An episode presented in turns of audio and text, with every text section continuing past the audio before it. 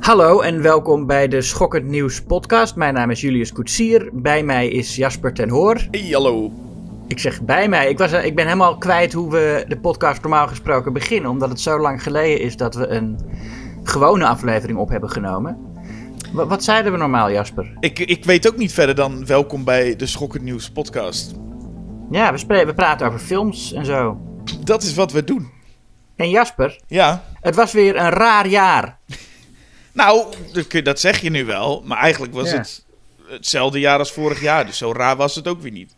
Nee, nee, dat is ook weer waar. We moeten eraan wennen, hè? Het, Ehm, het is best voorspelbaar jaar eigenlijk als je het vorig jaar eh, meegemaakt hebt. Ja. Ja, ik denk dat het optimisme dat er aan het einde van vorig jaar was, toen hadden mensen om de een of andere reden ook een beetje zo van: oké, dit jaar is nu voorbij. En in het nieuwe jaar is toch altijd een soort, ook al maakt het helemaal geen, geen fuck uit natuurlijk, dat het ene jaar dan afloopt en het volgende begint. Toch hebben mensen het idee van: oh, nu hebben we een nieuwe kans, weet je wel? Ja, En ik denk dat dat optimisme er nu wel een beetje uit is. dat geloof ik inderdaad ook wel. Nou, een, een optimisme wat wij ook hadden voor luisteraars van ook onze Julius versus Jasper. Aan het einde van de vorige aflevering liepen we nog groots te verkondigen dat we even weer met z'n allen bij elkaar zouden gaan zitten voor een eh, eindejaarspodcast. En eh, Ja, maar toen, eh, ja. wat blijkt, hè? Nou ja, dat, dat komt nog wel. Maar alleen niet een eindejaarspodcast, maar een begindejaarspodcast. Waarin wij alsnog wel de films van eh 2021 doorlopen en onze top 5 geven. Met een, nou ja, zo groot mogelijke groep. Maar dan doen we dat hoogstwaarschijnlijk in januari. Eh, want ja, we vonden toch, we dachten van ja, we kunnen nou wel eh, dat allemaal via Zoom doen, maar het is toch leuker om elkaar weer echt te zien. En ehm, gewoon, eh, wat, wat maakt het dan uit als het, een, als het een maand later is dan normaal, weet je wel? Nee, de enige teleurstelling die we nu moeten geven is dat luisteraars die nu denken: hé, hey, een nieuwe algemene aflevering, ik ga eens andere stemmen horen. Die zitten deze aflevering nog wel gewoon met ons eh opgescheept. Ja, maar dat, als je dat dacht, had je de beschrijving van de aflevering moeten lezen. Ja, wie doet dat Want, nou? Je klikt eh, toch meteen op play. Ja, Gaat toch niet de beschrijving lezen, zeg. Maar eh, nee, in dat geval het voelt een beetje alsof wij, nou ja, al- als, als, als Mark Rutte en Hugo de Jonge nu aankondigen dat er toch maatregelen zijn en wij deze podcast even alleen doen. Maar het- Ja. het is een beetje een extraatje dan, want er komt een, eh, een, eh, een podcast waarin we met z'n allen nog lijstjes gaan bespreken. Eh, maar we dachten, we geven iedereen nog wel iets om het jaar mee af te sluiten. ja, en dat iets is dan een beetje een terugblik op het, op het vorige jaar en wat we gezien hebben. Niet alleen films uit 2021, maar ook een paar die we dan dit jaar, nou ja, waar, waar we over willen praten of zo. Precies, zo, zo, zo werkt de podcast toch? Gewoon waar we over willen praten. Ja, Nou, ja. Laten we daar ook gewoon maar mee beginnen, denk ik. ja waar beginnen we, Jasper?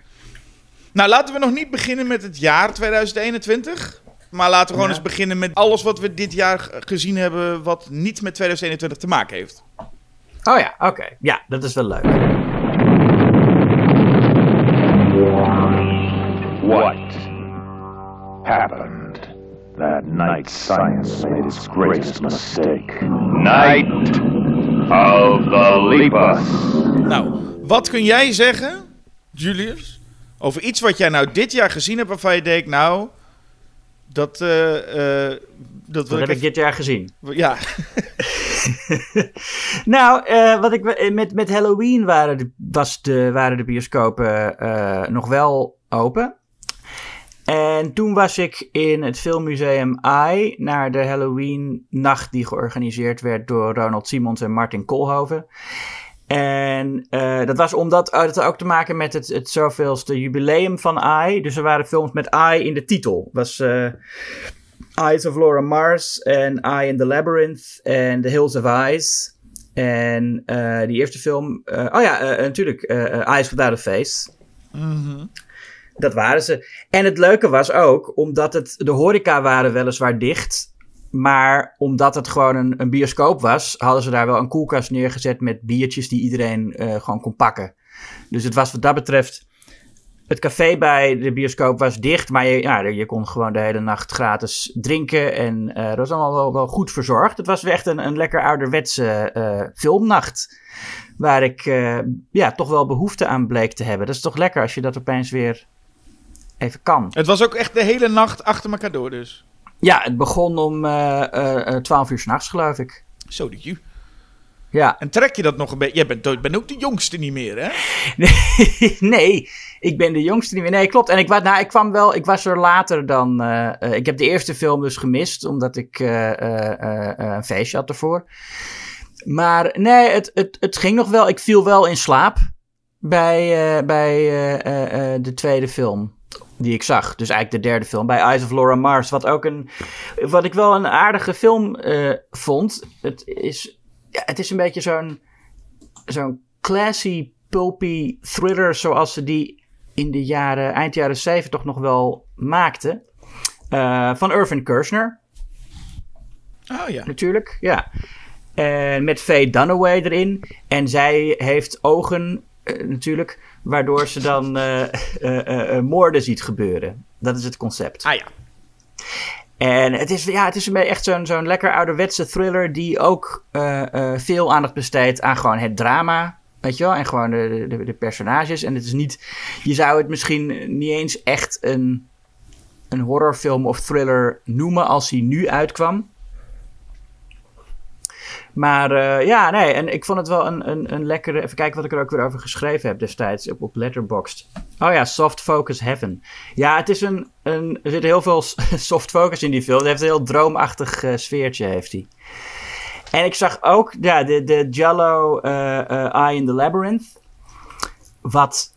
ehm, ja, ook een, een, een, een, niet echt een horrorfilm was. Want het is een beetje zo'n Jello waar je eigenlijk het merendeel van de tijd gewoon een beetje zit te hangen met die personages. Eh, hij is heel zonnig. Hij speelt zich af in een heel, een heel zonnig eh, gebied.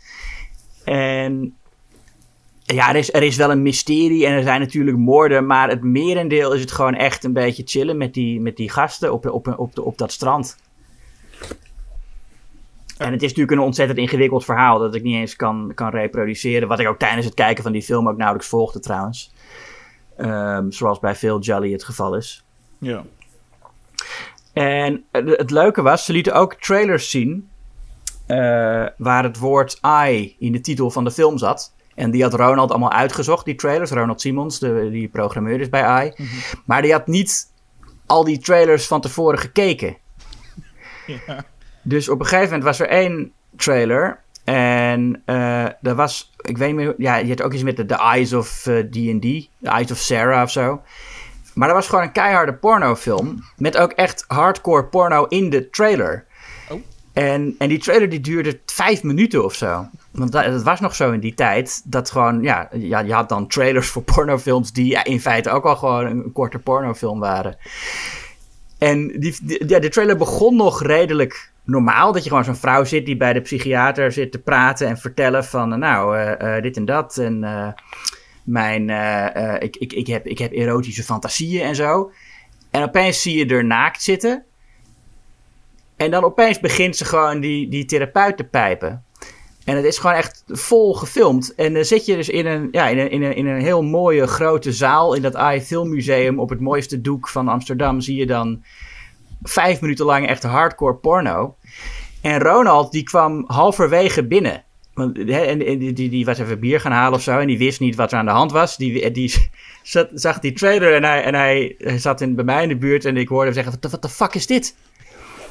Ik zeg, ja, dit is, dit is wat, jij, wat jij hebt uitgezocht. En, en toen werd het zo grappig om te zien dat het toen nog drie minuten doorging. En Ronald zich daar echt geen, geen houding wist te geven. Wa- Wacht even, maar dan heb je dus, een, dan heb je dus een, een, een programmeur die voor zo'n grote filmavond dan denkt... ik google even i trailer, ah, deze. En die gaat er gewoon in. Nou ja, het zijn allemaal wat, wat ze in de AI-collectie hebben. Hè? Het AI-filmmuseum heeft een heel grote collectie met heel veel trailers. En hij heeft inderdaad waarschijnlijk gewoon op, op die database in AI gekocht. en alles wat er een eh, gezocht en alles wat er een beetje leuk uitziet, heeft hij gezegd: Nou, laten we dat erin doen. Het is wel leuk, eh, een, een, een, een, dus een hardcore porno trailer. Dat zie je Mhm. sowieso niet veel. Nee, niet meer, nee. Nee, maar dat, is dus, dat, dat was dus een, een soort van... Dan gingen mensen naar een hardcore pornofilm in de bioscoop... en daarvoor zaten nog andere trailers van hardcore pornofilms... die vijf minuten Ja. duurden. Dan kan ik me best voorstellen dat de mensen bij de trailers al denken... nou, ik ga naar huis. Ja, je kunt er aan- na een trailer al klaar zijn, ja. Nee, maar ik, misschien waren die trailers ook wel voor, voor andere films. Ik weet het niet. En dan moest, wat, welke heb je, heb je dan nog, eh eh, welke had je dan nog? Oh, Hills of Ice was er ook nog. Eh, Nee. Ja, maar toen ben ik naar huis gegaan. Oh, Toch wel, ja. Oh. Ja, ik, ik dacht nog van, zal ik nou blijven of niet? Maar ik dacht toch, ja, Hills of Ice vind ik ook niet weer zo fantastisch of zo. nee, dat is ook wel waar. Dat is een film die, die niet helemaal meer staat. Nou ja, jawel, dat was een beetje de tijd dat dat soort rauwe films... eh, eh, Het was echt het begin van, van, die, eh, van die tijd. Dus ja, ik denk dat hij toen wel indruk maakte. En er zitten nog steeds wel scènes in die, die indruk maken, vind ik. Hmm. En dan Maar, had je Ice eh, Without a Face, was al geweest of heb je die gemist? Ja, die was wel geweest. Maar dat, die heb ik vaak genoeg gezien. En dat is ook een heel goede film. Een meesterwerk, zou ik zeggen.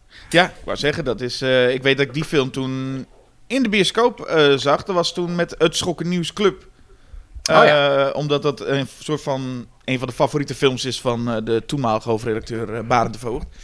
Ja. En toen hebben we inderdaad die ook gezien. hè. Dat was een hele, ja, ook nog wel opvallend schokkende film. Zeker voor die tijd. Dat ik denk, zo. Ja, 1960. En dan inderdaad een, een gezichtsoperatie... waarbij je een heel gezicht eraf gepeld ziet worden. En ik, en ik kan me in ieder geval nog herinneren dat er steeds, eh, eh, steeds komt er zo'n kever in beeld rijden met zo'n kermismuziekje. Dat op een gegeven moment ook wel een beetje melig wordt. Ja. Maar eh, Ja. en, nee, een film die wat mij, mij, mij heel erg deed denken aan, eh, aan Hellraiser en Hellbound. Eh, en, maar dan een film uit de jaren 60. denk ik zo, dat was ik wel verrast door. Ja, ja, zeker inderdaad. De Hellraiser-connectie. Ja, ik had er nog niet over nagedacht. Maar dat zit er inderdaad goed in. Ja, en, en, en, en een heel, ook wel creepy gezicht. Hoe die vrouw dan, die dus geen gezicht heeft... met zo'n emotieloos masker eh, rondloopt. En ook best wel een uniek verhaal. Dat haar vader een chirurg is... die dus een nieuw gezicht voor haar zoekt... En daarom eh, allemaal meisjes vermoordt en hun gezicht eraf haalt om te kijken of het op zijn dochter past. Ehm, dat is toch echt een verhaal wat je, je zou verwachten dat iemand dat nu bedenkt. Weet je wel, dat eh, Julia Ducournau of zo haar volgende film daarover gaat. Maar het is gewoon in 1960. Ja, de, zeker. En ik moet zeggen, de, de, de poster... Ja, we zijn een podcast, dus niks visueels aan. Maar mensen die de poster googlen... en dan heb je zo'n hele rode poster. Dat is echt een van de mooiste filmposters die ik ken. Ja, ja, Dat, eh, ja. Maar goed, daar heb je in een podcast niet zoveel aan. Ik kan hem nu gaan lopen omschrijven, maar eh, het is goed zo. Ja. Maar dat is jouw, jouw, eh, jouw oogavontuur. Mijn ogenavontuur, ja, precies. En dat was wel eh, een van de. Nou, is het dan. Ja, dat zijn dan die films. Maar het is voornamelijk wat ik zo een beetje hoor. Vooral het toch weer terug in de bioscoop zijn. En meteen zo'n soort event hebben. Dat je dat ook wel even Mhm. gemist hebt. Ja, ja, zeker. Ja, tuurlijk, ja. Ja, heb je dat eh, verder nog gehad? Eh, goede bioscoopervaringen? Ja, dat zal dan vooral films uit 2021 ook zijn. Maar heb je goede bioscoopervaringen nog wel gehad? Dit ja, jaar? ik heb, een, ik, heb, oh, ik heb een paar goede ervaringen gehad. Ja, ja zeker met, eh, nou ja, dat zijn dan eh, geen, niet echt schokkend nieuwsfilms. Dus heel kort eh, eh, vond ik het erg mooi om Spencer in de bioscoop te kunnen zien. Maar wat, eh, eh, ja, ik hou ook wel, dat, het, is het enige schokkend nieuwsige daaraan. Of nou ja, nee, het is eigenlijk best wel, het is een film over, over Diana Spencer. En er zitten wel een paar hallucinatiescènes in. Met, met, met spoken en, en eh, gruwelijke fantasieën. Dus wat dat betreft zou die misschien kunnen. Maar eh, ook die muziek. eh, Pablo Loren die, die had een paar jaar geleden Jackie gemaakt. Over Jackie Onassis. Met ook een soort... ik moet even opzoeken wie ook weer die score geschreven had. Maar dat was eigenlijk een soort horror soundtrack had die film. En dat, dat, dat, dat geldt ook wel voor, ehm, voor Spencer. Dus een soundtrack van eh, Johnny Greenwood. En ja, ik moet toch even, ik moet godverdomme weten wie de muziek voor Jackie heeft geschreven. Anders blijft het me dwars zitten. Praat jij anders even verder terwijl ik het opzoek.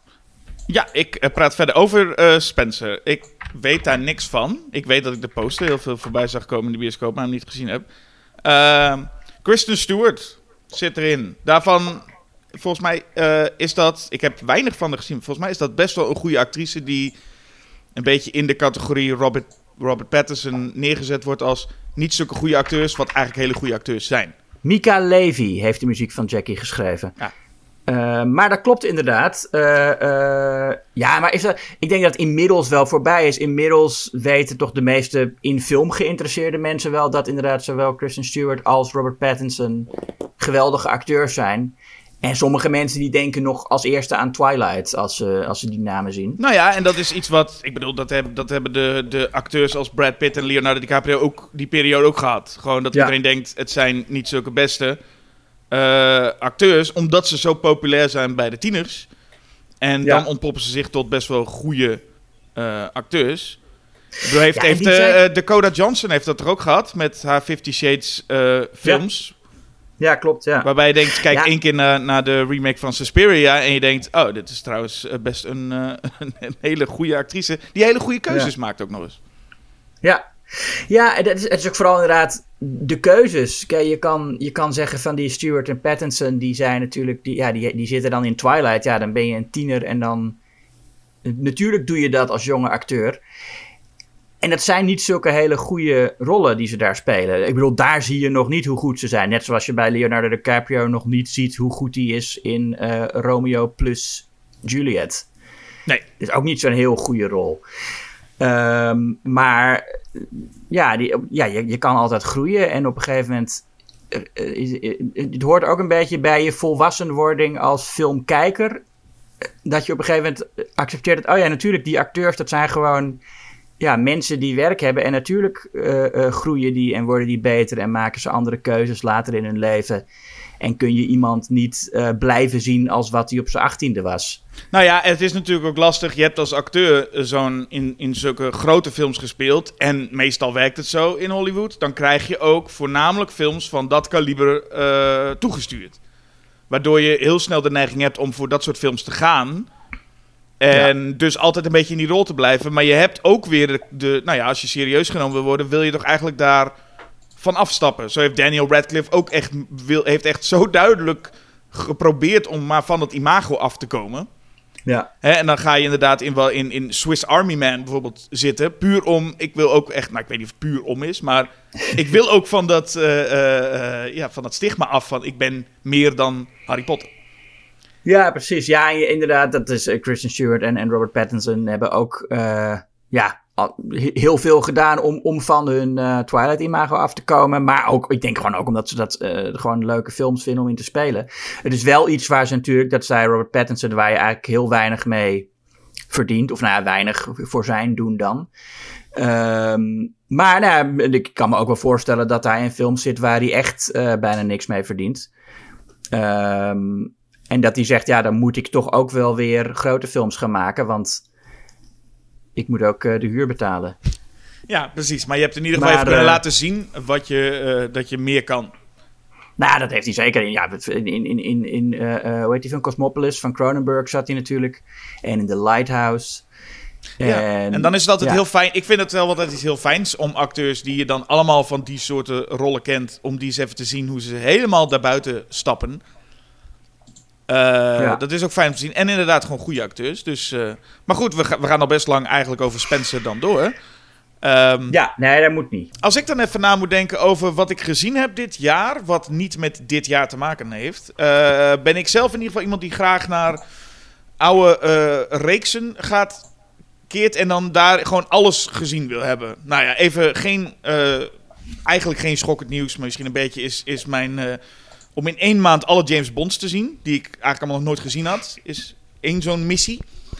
En dat zijn wel van die missies waar je op een gegeven moment soms mee bezig bent en dan halverwege denkt, waar ben ik eigenlijk aan begonnen? Maar je wil gewoon door. Je wil gewoon ook alle films afgetikt hebben. Ja. Dat heb ik gedaan voor de James Bond films. En in een serie, ik, ook alle Ernest P. Worrell films heb ik eh, allemaal gezien. En dat zijn ook geen schokkend nieuwsfilms. Hoewel ik bij deze meteen moet zeggen, Ernest Scared Stupid is echt een ontzettend leuke Halloween film. Oh ja? Ja, dus dat, eh, dat, dat blijft wel een van mijn, mijn jeugdfavorieten. Maar goed, verder is het, is het ja, heel, heel belachelijke... Maar waarom wil je dan al die Ernest films kijken? Ik, ik, ik, ik, ik heb tot op zekere hoogte, kan ik er nog wel in meegaan van oké, dat het lijkt me leuk zo'n project. Maar ik vind dan zelf, ja, Ernest P. Worrell gaat mij dan toch net te ver. Dat kan ik me voorstellen, ja. En dat is net, waar jij net stopt, daar ga ik net verder inderdaad. ja, nee, Eh, precies. Nee, het, het, het is bij Ernest wel zo. Daar had ik al eh, een paar films van gezien, van vroeger. En dan vind ik het wel leuk om soms die films terug te kijken en te kijken van wat vind ik daar nog steeds van. Ehm, maar dan heb je er twee of drie gezien en dan denk je, hmm, ik ga toch even één stapje verder. En inderdaad, dan zit je chronologisch doorheen te gaan. En ik had toen ik op een gegeven moment naar Ernest Goes to Africa... toen zat ik ook wel op het punt dat ik dacht... ik moet hier ook gewoon echt mee stoppen. dus dat was ook zeker... als dat een langere serie was geweest... was ik er ook zeker wel mee gestopt. Maar het waren maar negen films. Dus ik denk, nou, dat is door te komen. Um, ja, ik zou zelf... ik zou bij de, uh, bij de James Bond films... Um, zou ik denk ik toch. Ik zou, het een heel, ik zou denken van, oh, dat is een heel leuk project. En daar heb ik zin in om dat te gaan doen. Maar ik denk ook dat ik daarna vijf films had gedacht: Jezus, dit is niet vol te houden. Want heel veel van die films zijn gewoon echt saai. Vind ik. Ja, en ik denk dat het, het, het, het fijne is, in ieder geval dat houdt je een beetje op de been, is het feit dat je uh, dat zo'n zo'n evolutie zien uh, dat dat heel fijn is. Van waar is nou zoiets ah, begonnen en hoe, hoe gaat dat verder? En dan, dan kom je inderdaad op een bepaald punt dat je denkt: oh, hier zijn ze echt gewoon jarenlang. Uh, en dat is ook een heel ding. Dan heb je nou dat, dat je hoort dan van mensen dat je jaren moest wachten op de volgende film. En dan zie je die nu mhm. meteen erachteraan en denk je, oh, hebben mensen echt hier jaren op moeten wachten? Nou, dan, dan ben je blij dat je dat meteen maar weg hebt. Maar het, het, het, het idee dat je het ook kan rangschikken, dat je voor jezelf een beetje bijhoudt van wat vond ik nou wel de leukste. En zeker met James Bond heb je natuurlijk het wie is je favoriete Bond? Of wie is je mhm. favoriete Bond schurk? En je favoriete Bond liedje. Er zitten nog elementen in die leuk zijn om uh, nou ja, mee bezig te zijn. Maar het, ja, wie, wie, wie, wie, is je favoriete Bond? Mijn favoriet is sowieso Roger Moore. Ah ja. Wat uh, ik wel bijzonder vond, althans, mijn favoriete. Of mijn Bond, zo, zo hoor ik mensen altijd praten. Mijn Bond was Pierce Brosnan. Schijnbaar ja. is dat de tijd waarin je opgroeit. Dat wie is dan de Bond? Nou, dat zie je als de Bond. Um, maar, ja. dat, maar die heeft echt de slechtste films, wat mij betreft, zo ongeveer. Um, ja, dat is niet best, hè? Ja, ik vind, wat dat, ik vind op zich... Kijk, ik vind Sean Connery het beste in James Bond spelen. Maar dat is misschien ook omdat hij dat personage gewoon hè, min of meer gecreëerd heeft in het, in het hoe noem je dat? In het, uh, in, het oog van de massa of zo, is dat James Bond. Wat natuurlijk een, een ander soort personage is dan Ian Fleming in de boeken beschrijft. Maar desalniettemin is dat James Bond geworden. Maar ik hou helemaal niet van James Bond als personage. Ik vind hem echt heel vervelend. Dus ik vind die Sean Connery ook is mijn minst favoriete Bond. Juist omdat hij hem zo goed speelt. Uh, ik heb inderdaad ook meer met Roger Moore. Uh, en Timothy Dalton ook wel. Vind ik ook wel uh, een aardige. Ja, ik heb niet zoveel met die van Tim Timothy Dalton, toch? Ik, hm. ik kwam niet door de Living Daylights heen. En, en ook een ook ontzettende slechte schurken zitten erin. Waaronder Jeroen Krabbe. Oh ja. hele slechte schurken zijn dat ook. Maar ik vind de films waarbij het gewoon gek werd. Uh, Dat vind ik dan het leukste. Een van de, de, de paar leukste die ik vond waren Live and Let Die of A View to a Kill. En die zijn gewoon lekker gek. En daar kon ik wel wat mee. Moonraker vond ik ook erg geestig. Ja, dat is met die duif die een double take doet. ja, oké. dat, dat, dat vind ik dan weer te ver gaan. Die ging te ver, inderdaad, ja. Maar goed, zelfs dan heb je met een film waarbij je denkt... oké, hier gaan ze te ver... is nog wel iets beter dan... ja, wat is het... Uh, the, the World is Not Enough... waarbij je denkt, nou, ik weet... Ik, of, of License to Kill. Ja, het, het gewoon allemaal... Voor, voor mij is het wel genoeg, dacht jij? Ja, dat was wel goed. Hoewel ik Denise Richards als, uh, als um, scientist... vond ik wel erg leuk. ja. Christmas Jones heet zij, toch? Ja, Christmas Jones. En dan, en dan zegt James Bond op een gegeven moment... oh, I thought Christmas only came once a year. Ja, die, voor mensen met, met, uh, die, die woordgrappen wel kunnen waarderen, dat, uh, die worden ook wel flink getest bij James maar Bond. ik vind dat zo irritant dat hij dan, hij maakt dan grapjes over de namen van die vrouwen. Maar die naam, ja, zijn scenarist of Ian Fleming, je hebt zelf die gekke naam bedacht. En uh, dat, is, dat slaat toch nergens op? Als je zelf een gekke naam bedenkt en dan doe je alsof je hoofdpersonage geestig is omdat hij daar een grap over maakt. Nee, maar dat is een, niemand heet toch Christmas? van zijn voornaam. Of van haar voornaam in dit geval. Nee, nee dat is gekkigheid hoor. Ik vind het heel ik vind het irritant. Maar wel over A View to a Kill nog. Uh, uh, die heb ik geloof ik twee keer gezien. En die, ja... Het, het, stomme is, James Bond is daar echt 60 of zo. Hoe oud is Roger Moore? ja, die, is, die, wordt al, die gaat wel richting de 60, ja klopt. Ja, en dan wil hij zo heel cool zijn. Maar de schurken zijn dan Grace Jones en Christopher Walken. Die natuurlijk allebei van nature veel cooler zijn dan Roger Moore ooit geweest is. Ja, dat is waar. En ik denk dat dat ook een groot verschil is met... Je hebt, hier heb je eh, eh, Roger Moore die op zijn zestigste nog fluitend door al die eh, dingen heen. Hij, hij, hij loopt op het puntje van de Eiffeltoren of over een brug. En dat is allemaal geen enkel probleem. En dat is een heel groot contrast met Daniel Craig. Die eigenlijk Oh ja. volgens mij nou, vrij jong was in Casino Royale. Maar meteen echt zo realistisch moet overkomen. Dat hij echt meteen altijd bebloed is. En eh, overal niet meer tegen kan. Depressief en alles. En ja, dat is een andere vorm van Bond. Hier heb je Roger Moore, die volgens mij als hij 70 of 80 is, had hij nog gewoon fluitend overal door kunnen lopen. Ehm, Ja. Maar dat vind ik dus nog wel interessant daaraan. Aan die hele, eh, eh, nou ja, gewoon dat je ziet hoe het is gegaan, waar het allemaal doorheen is moeten, moeten gaan, zo'n serie. En dat is denk ik wat je dan op de been houdt. Eh, nu, Ja. nu hebben we het wel een lange tijd over, inderdaad. Ik wou even kort aangeven wat de niet-genre dingen waren. Dus dan maar ook even kort de dingen die ik wel... Zo heb ik de hele de Howling-reeks gezien.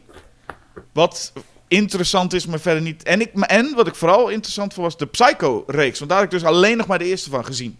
Oh ja, die tweede vind ik heel goed. En die, twee, ja, die tweede is echt verrassend goed. Eh, dus die, die en dan de derde en vierde zijn niet zo heel goed. Maar alsnog moet ik zeggen, voor een film waarbij je zou denken...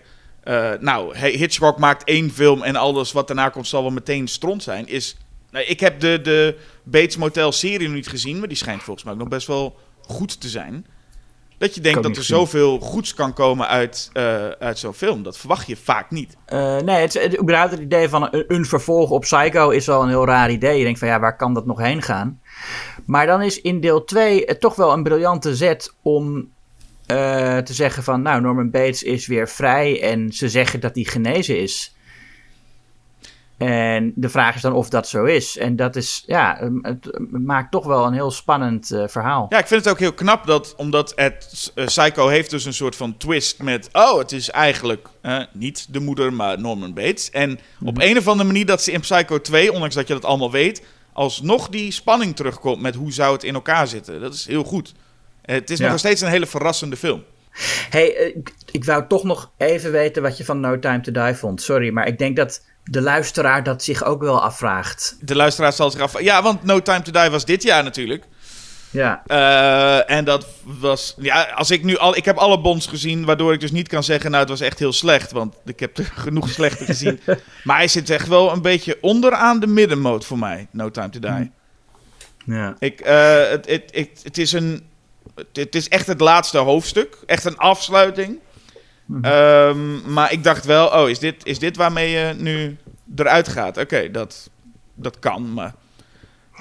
ja. het, het feit dat de schurk in ieder geval, want dat is in een van de grootste dingen, de grote schurk, dat dat gewoon een gastje is.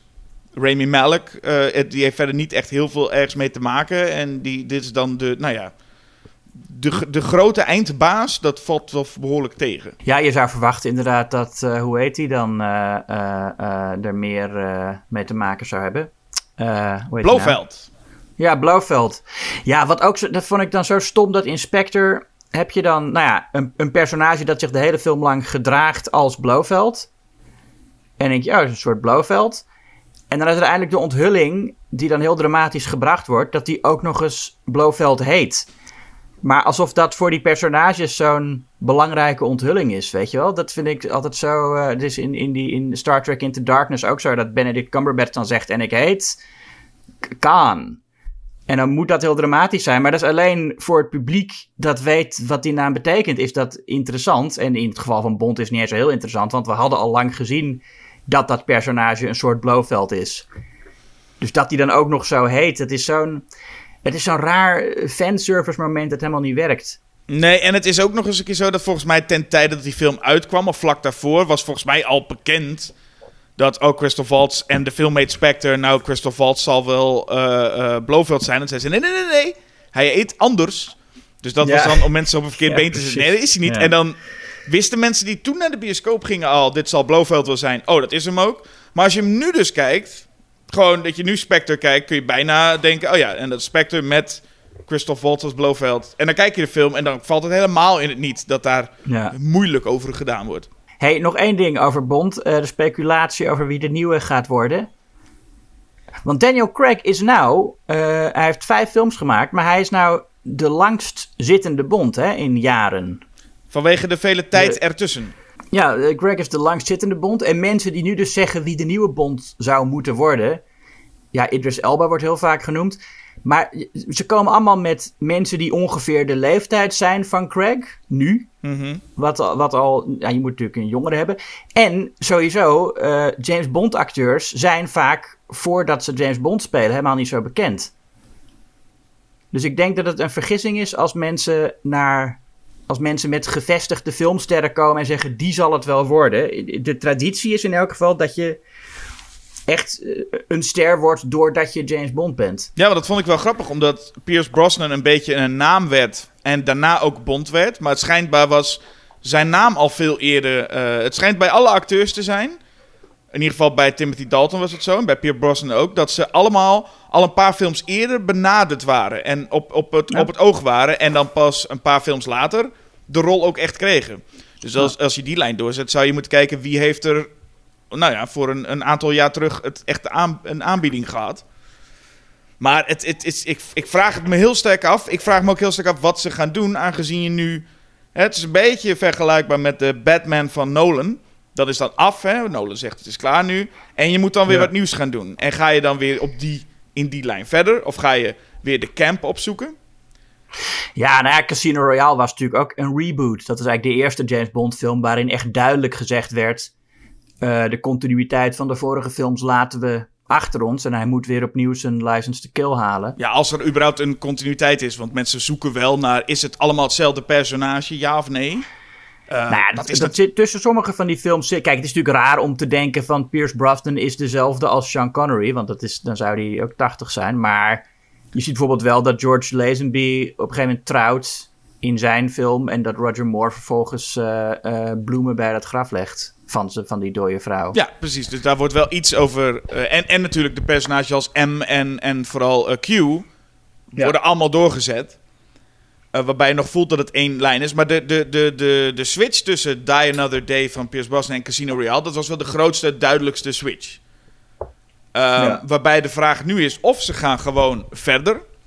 Dat kan, hè, dat ze gewoon verder gaan. Dus dat eh, eh, Ray Fiennes als M weer terugkomt... en Naomi Harris als Moneypenny en Ben Whishaw als Q. Dat die allemaal gewoon doorgaan en er komt gewoon een nieuwe Bond. En ze hebben ook al in deze film, in, in No Time To Die, een nieuwe 007.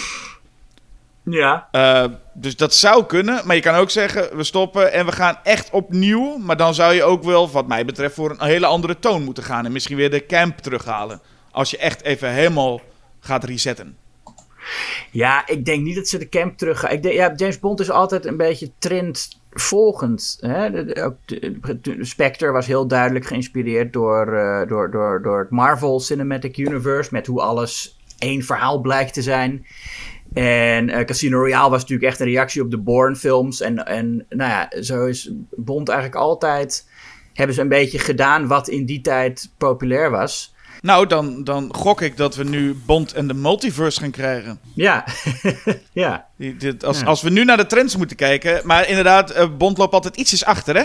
Ja, vanaf het begin al, toch? Ik bedoel, die eerste... Die, ja, je had al North by Northwest. En... Nou, dat is heel duidelijk dat dat een beetje de film is waar, waar Sean Connery's Bonds naar gemodelleerd zijn. Maar goed, eh, ja, even van Bond, eh, even van Bond af. Althans, Ja, ja, ja, ja. Ehm, ja, zijn er, nog dingen, zijn er nog dingen die jij even los van films van 2021 die je gezien hebt, waar je zegt die wil ik even benoemen? Nou, ik weet weer... eh, ja, we kunnen natuurlijk hebben over ehm, Straight to Video. Het, eh, het leuke videoavondje dat in het Amsterdamse eh, café bioscoop eh, Lab 111 georganiseerd wordt. Waar eh, Erik van der Woude en tegenwoordig ook Liewe van Albada op een avond twee films van VHS laten zien. Dus dan zit je in een bioscoop naar een VHS-band te kijken. Wat ja, best wel leuk is. En kijk, die crappy kwaliteit, dat is een beetje de charme. En je raakt er ook vrij snel aan gewend dat het, eh, dat het slechte kwaliteit is. En dat zijn natuurlijk ja, altijd leuke cultfilms. Eh, en ik heb daar voor het eerst sinds lange tijd eh Basket Case weer gezien. Oh. Ja, wat eh, nou echt een ideale film is voor die setting natuurlijk. En ehm, ja, dat blijft toch ook wel echt een erg goede film. Het is, ja, die, die Henenlotter, wat die met zo weinig budget eh, weet klaar te spelen. Ja. en het is ook echt, het is echt een beetje uniek of zo. Want het- ja, je, je denkt soms, het is, een, het, is een, het is een comedy. Maar hij is ook wel op momenten best serieus. Het is duidelijk grappig bedoeld, maar er zit er ook echt serieuze tragiek in wel. Eh, en hij krijgt zoveel gedaan met zo weinig middelen. Ehm, en het, ja, het is ook, het is echt, eh, eh, eh, het is ook een van de films waarin het New York van de jaren tachtig heel goed gebruikt wordt. En dat heeft ook, ja, ook te maken met budget. Dat ze dus gewoon niet echt zich konden veroorloven om straten af te zetten of zo. Dus sommige van die scènes waarin de hoofdpersoon over straat loopt, hebben ze dan gewoon gefilmd met. zaten ze in een auto met een camera. En reden ze daar gewoon over straat. En weet je wel, de figuranten waren gewoon mensen die daar toevallig liepen. Dus ben heel cinema variété-achtig. En eh, dat, da- daardoor krijg je ook echt een tijdsbeeld van New York in 1982. Ja. ja, wat mij opvalt dat het bij het werk van, überhaupt van eh, Frank Henenlotter, is dat men op een of andere manier, het zijn wat pulpy films, sowieso. Alleen, eh, je, je denkt heel snel dat zijn films dus ook heel erg slecht zijn. Ook, kan ook op een positieve manier, maar gewoon dat ze ook op alles slecht gemaakt zijn. Maar de films die ik van hem ken, dus Basket Case, maar ook Brain Damage en Frankenhooker, zijn opvallend goed gemaakt. Goed geacteerd. Ja. Eh, zitten goed in elkaar. De vertelling is altijd heel goed. En dat is toch wel echt een verschil met van... Oh ja, het is gewoon zo'n pulpy filmmaker die gewoon eh nepbenen in het rond gooit... met heel veel ketchup, bloed en klaar. Hij, hij weet, wat dat betreft, klinkt een beetje stom, maar hij weet wat hij doet. Maar hij maakt echt goede films op, op eh, heel veel vlakken. Dan wou ik misschien nog even zeggen... Oh ja, een, een, een, toevallige double bill. Ik was eh, naar, naar vrienden toe om daar The Day of the Dolphin te gaan kijken. Die ik nog nooit gezien had. Maar dat is die film die met George C. Scott... die vooral bekend is om de tagline... ehm ken je de tagline van Day of the Dolphin? Nee. Dat is unwittingly he trained a dolphin to kill the president of the United States. en op de poster zie je dan eh, nou ja, George C. Scott eh, eh, rondrennen en er is een dolfijn met een soort bom op zijn rug en er is een explosie. En het, dat suggereert allemaal natuurlijk een soort spionage-thriller. Eh, hij is van Mike Nichols trouwens. Eh, wat ook wel een, eh, een eh, ja, heel erg goede regisseur is. Ehm, maar als je dan ja, denkt van oké, Mike Nichols en die The Graduate heeft gemaakt en Who's Afraid of Virginia Woolf. En je denkt oké, die tagline, die titel, die poster, dan verwacht je een soort, ja, ook wel James Bond-achtige spionage thriller. Maar het is een, een, een beetje een melancholische science fiction film over een man die dolfijnen wil leren praten. En dat lukt een beetje. Maar het gaat er eigenlijk over dat het altijd onmogelijk blijft om elkaar echt te begrijpen.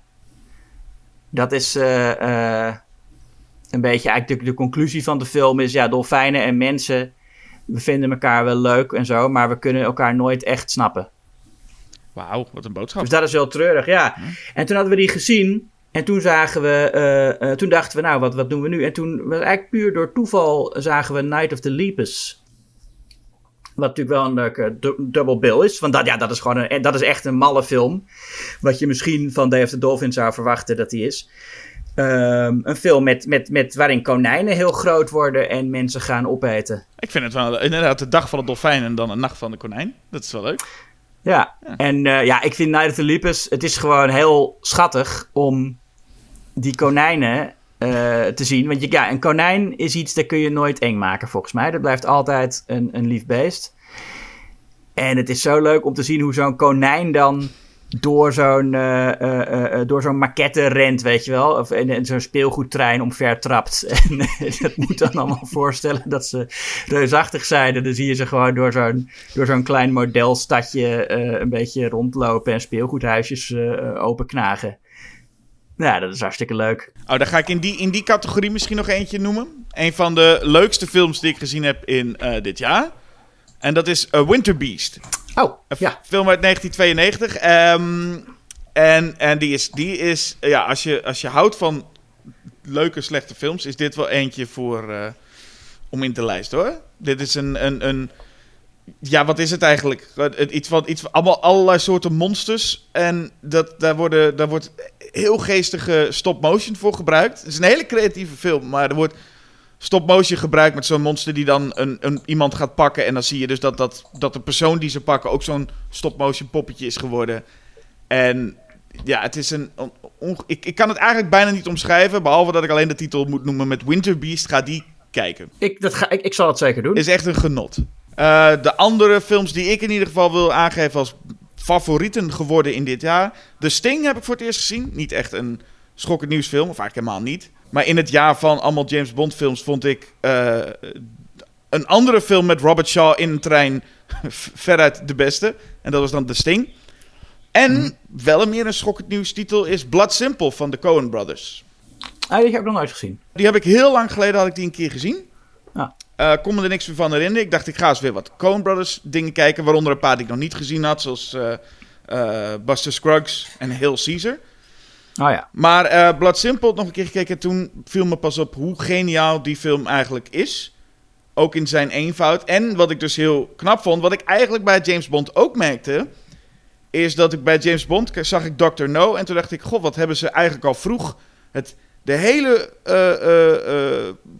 formule al helemaal uitgekristalliseerd. Het is niet iets wat heel langdurig is ontstaan. Het was gewoon meteen, daar waren alle sleutelmomenten al aanwezig. Hm. En bij de Coen Brothers viel me op dat ze bij Blood Simple eigenlijk al een perfecte Coen Brothers film hadden. Ja, En dat Ja, eh, vind ik enorm knap, dat alle elementen er al in zitten. En niet, ze zijn natuurlijk op bepaalde vlakken misschien wel wat beter geworden. Maar eigenlijk alle elementen, van, van verhaal vertellen tot personages tot spanningopbouw... eh, zit allemaal al in die eerste film. En dat is wel een, een, een bijzonder knap iets. En is echt waarschijnlijk wel een van mijn favorieten van, eh, van die Coen Brothers. ja. En, en meteen daarna ook Raising Arizona. Dus dat, en ook, dat is ook alweer een film die een heel andere kant van hun laat zien. Maar ook al helemaal, helemaal klaar in hun stijl.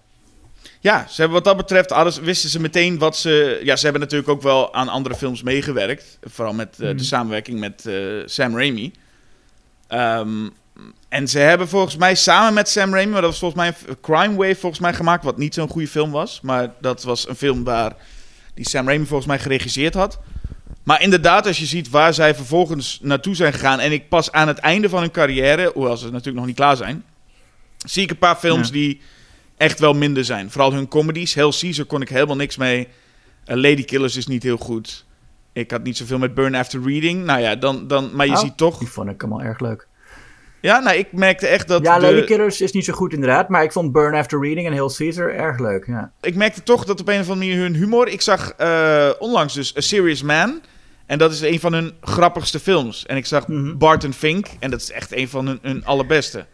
Ja, Barton Fink is, eh, dat is eh, misschien wel mijn nummer één. Dus dat is even wat ik nog van 2021 wil zeggen. Ja, eh, ik, ik, ik ga nog eentje noemen die dit jaar een favoriet van me is geworden. Mhm. Eh, Ghostwatch. Ik heb geen idee wat dat is. Oh jee, oh, die moet je wel echt zien. Een film uit eh, 1992, een, een, een tv-film voor BBC. En eh, van Leslie Manning. En de BBC is vaak goed in enge dingen op televisie. Eh, ik heb misschien wel eens ooit mijn liefde voor eh, hun Ghost Stories for Christmas eh, besproken. Een traditie die in de jaren 70 begon en waar ze een paar jaar geleden weer mee begonnen zijn. Eh, dit jaar was het eh, eh, Mark Gatiss die de Mezzotint verfilmde. Die heb ik nog niet gezien. Die kan ik, helaas is de BBC iPlayer in, in Nederland niet, doet hij het niet. Eh, maar ik vind die van Geddes ook niet zo goed als de, als de oude uit de jaren 70. Eh, waaronder Lost Hearts. Die zou ik echt aanraden als je van eh, spookverhalen houdt. Om vooral BBC's versie van Lost Hearts te gaan kijken. Maar ik had het over Ghostwatch. Die heb ik dit jaar gezien. Eh, dat is geen Ghost Story for Christmas. Dat is een, een Halloween broadcast. En het is een tv-film die echt alleen maar op televisie kan. Want het wordt, het wordt gepresenteerd als een live uitzending van een soort talkshow slash eh, documentaire over een spookhuis. Er is dan een, een huis in Engeland waar het zou spoken, waar gewoon een gezin woont. En het begint met eh, eh, Michael, Michael Parkinson, die toen een heel bekende, gerespecteerde televisie-interviewer was. Die dus gewoon als zichzelf daar in die studio zit. En uh, ja, die zit in de studio en er zijn call-ins. En ze gaan praten over met, met, met experts op het gebied van geesten en met sceptici. En ondertussen wordt dus live gefilmd in dat spookhuis. Waar Sarah Green rondloopt. Wat in, in die tijd ook echt een uh, bekende tv-persoonlijkheid was. Uh, presentatrice die ook dus zichzelf speelt. En die daar in dat huis rondloopt. En, en zogenaamd live. Ja, die, die spoken gaat onderzoeken. En dat is al een heel gaaf concept. En dit is in 1992, dus uh, nog lang voor uh, Blair Witch Project en uh, Last Broadcast en zo. toch een soort, ja, die, die, esthetiek. Het is technisch geen found footage, omdat het allemaal zogenaamd live uitgezonden is. Maar het heeft wel die esthetiek. Er waren heel veel mensen die het echt geloofden toen ze het zagen. Mm. Um, wat, het, is, het is niet per se, het wordt niet echt, de, de uitzending begint of begon in die tijd in elk geval met een boodschap van dit is niet echt. En er is ook gewoon een aftiteling waarin uh, staat wie het geschreven heeft en zo. En de finale is ook, als je dan nog gelooft, dan ben je wel erg naïef als je ziet wat er in die finale allemaal gebeurt. Maar er zitten wel momenten in dat je echt helemaal zou geloven dat het echt is. En het, het gezin waar het dan spookt, zijn ook allemaal ontzettend goed, die, die spelen allemaal ontzettend goed, realistisch, natuurlijk. En uh, er zitten zulke goede uh, momenten in dat je echt. Ik, ik hou ervan als een film het medium helemaal omarmt. En uh, er zitten bijvoorbeeld momenten in. Er zijn, je kunt bellen, hè? je kunt inbellen in het programma. Ja. En op een gegeven moment laten ze een stukje zien van die slaapkamer. En uh, dat wordt dan zo. In, de studio kijken ze naar de, naar de slaapkamer van het huis waar het zogenaamd spookt. En dan, worden ze, dan is er iemand die opbelt, die naar de studio belt. En diegene zegt: Ja, ik zag in die slaapkamer op de achtergrond. leek het alsof er een figuur bij de gordijnen stond. En dan gaan ze dat fragment dus draaien ze nog een keer af. En dan zie je inderdaad dat daar een, een persoon staat bij de gordijnen. Heel subtiel, niet helemaal duidelijk, maar wel, ja, er staat toch echt iemand. En dan zegt Michael Parkinson dus: Nou, ik zie het niet. Zie jij het? En dan zit je dus thuis te kijken en denk je van: maar ik zie het wel. Maar die mensen zien het allemaal niet. En weet je, als je dus als je denkt dat het een echte uitzending is, dan, dan, dan ga je echt, uh, dan, dan flip je echt op dat moment, denk ik. Um, als je erin gelooft, tenminste. Maar ja, nee, dat, dat vond ik echt een heel erg goede uh, tv-film. Die ik uh, zou aanraden aan iedereen die houdt van. Um, nou ja, van, van, van spookhuisdingen en van echt, e, echt vernieuwende. Het is echt zijn tijd ver vooruit. Nou, ik heb hem, uh, ik heb hem opgeslagen in, op, een, uh, op mijn kijklijst hoor. Dat, uh, je hebt me overtuigd. Ja, goed, heel goed, heel goed. Dat, dat lijkt me goed. En ook leuk dat we nu een, een aflevering over 2021 en allebei dus eigenlijk een film uit 1992 aanraden. oh ja, ja. Dus ik denk dat het dan tijd is om even door te gaan naar wat dit jaar te zien was. Evil dies tonight. Do it! Do it! Halloween kills. Ik kan wel, het zijn een paar Nederlandse films die uh, enigszins uh, schokkend nieuwsig zijn.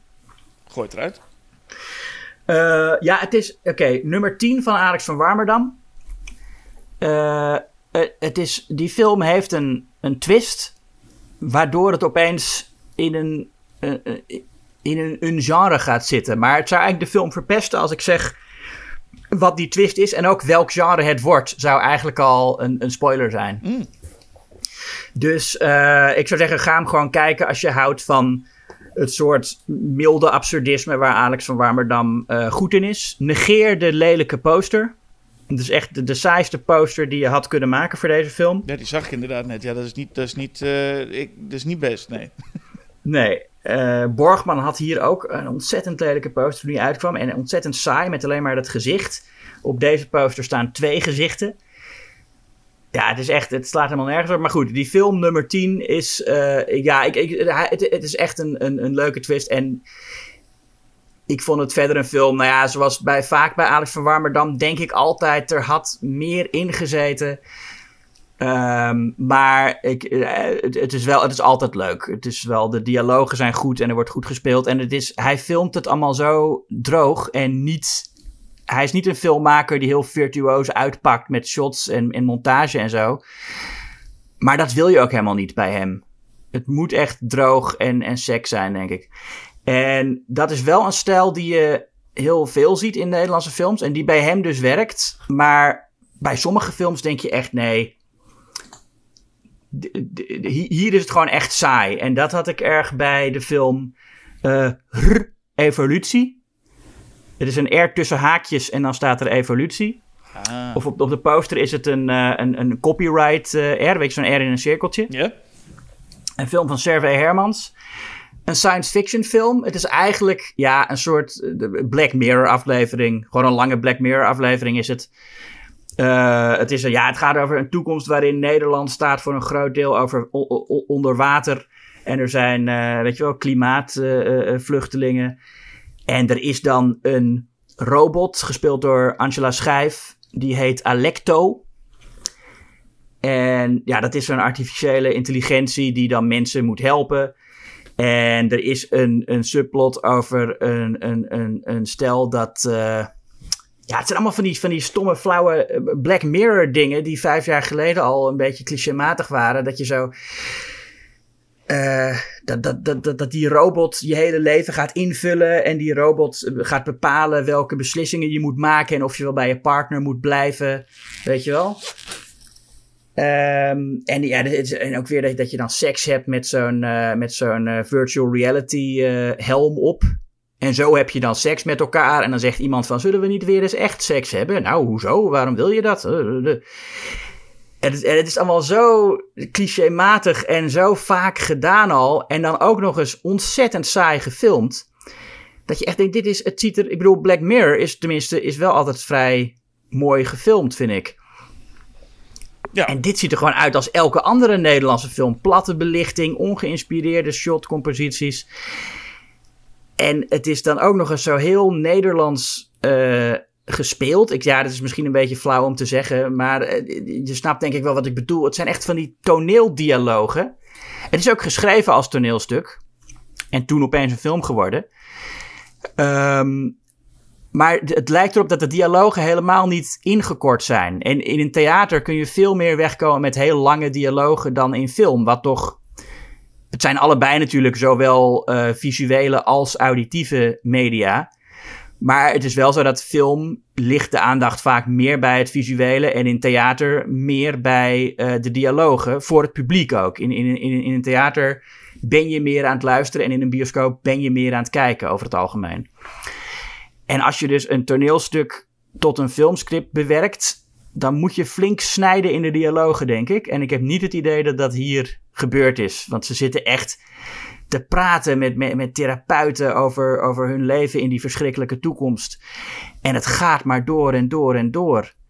Dat je denkt, ja, we snappen het. Het, het is echt. Uh, nou ja, als, als, als hij tien jaar geleden was gemaakt, was hij ook al niet zo goed geweest. Maar daar was tenminste nog een paar nieuwe dingen in of zo. Maar, maar net, zo, net zoals James Bond loopt de Nederlandse genrefilm soms ook wel wat achter. Ja, en hetzelfde had ik ook. Ja, het is wel lullig om dan zo negatief te zijn over Nederlandse films. Maar ja, het is niet anders. Bij uh, Sisyphus at Work uh, van Ramon Gielings. Wat een, ja, dat, hij voelt heel erg, hoewel die Ramon Gieling best wel veel ervaring heeft uh, uh, met, met, film. Best wel veel. Hij, is, hij heeft heel veel documentaires gemaakt. Maar dat Sisyphus at Work voelt als een film van een, net afgestudeerde filmstudent die ook andermans pretenties nadoet. Het zijn niet eens zijn eigen pretenties. Het zijn gewoon de pretenties van iemand anders die hij leent. Het is een film over een regisseur die een film gaat maken. En uh, er wordt weer dan film in een film. En de producent is Zeus. En het is allemaal verwijzingen naar Griekse mythologie. En er loopt soms een duiveltje door het beeld. En die man, die regisseur, is ook echt zo'n. Zo'n kunstenaar die dan naar bed gaat met een jonge actrice. En het, ja, het, zit, het zit zo vol met. met het, het is bijna een parodie het is bijna zo van: oké, ik ga een film maken over een pretentieuze kunstenaar. vol met verwijzingen naar Griekse mythologie.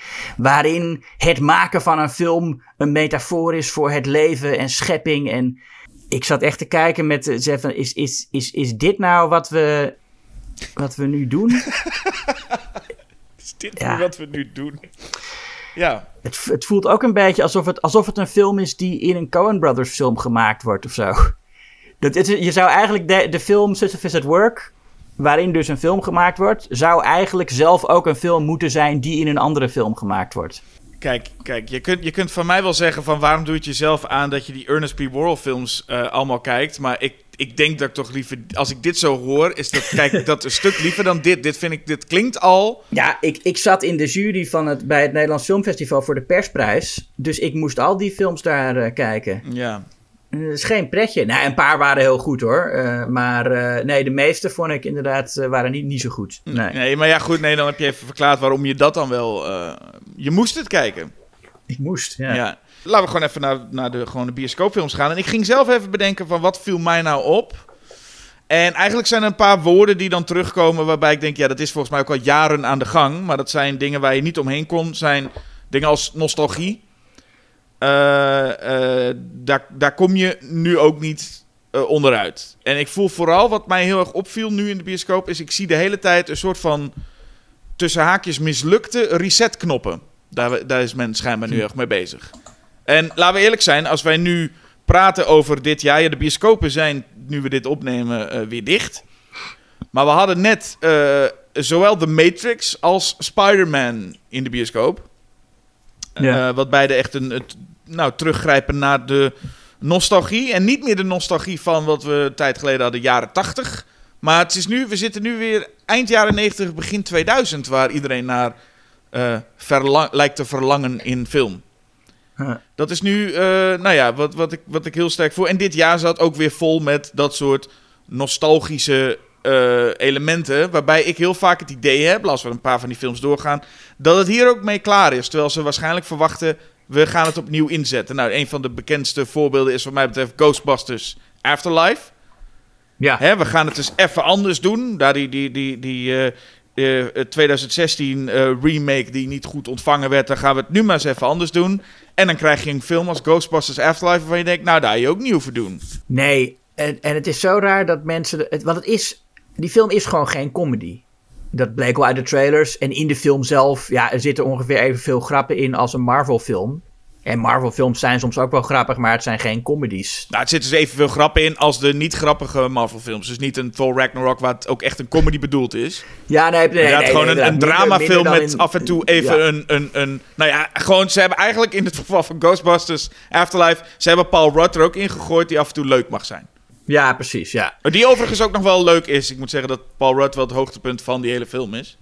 Ja, die heeft gewoon een natuurlijk charisma waarmee die alles wel eh draaglijk maakt. Ja, Maar inderdaad, eh, dat, dat, dat je dus... Je hebt Ghostbusters, wat nou ja, best wel een, een soort rebelse, beetje anarchistische film is. En dan ga je een remake, of niet een remake, maar een vervolg maken.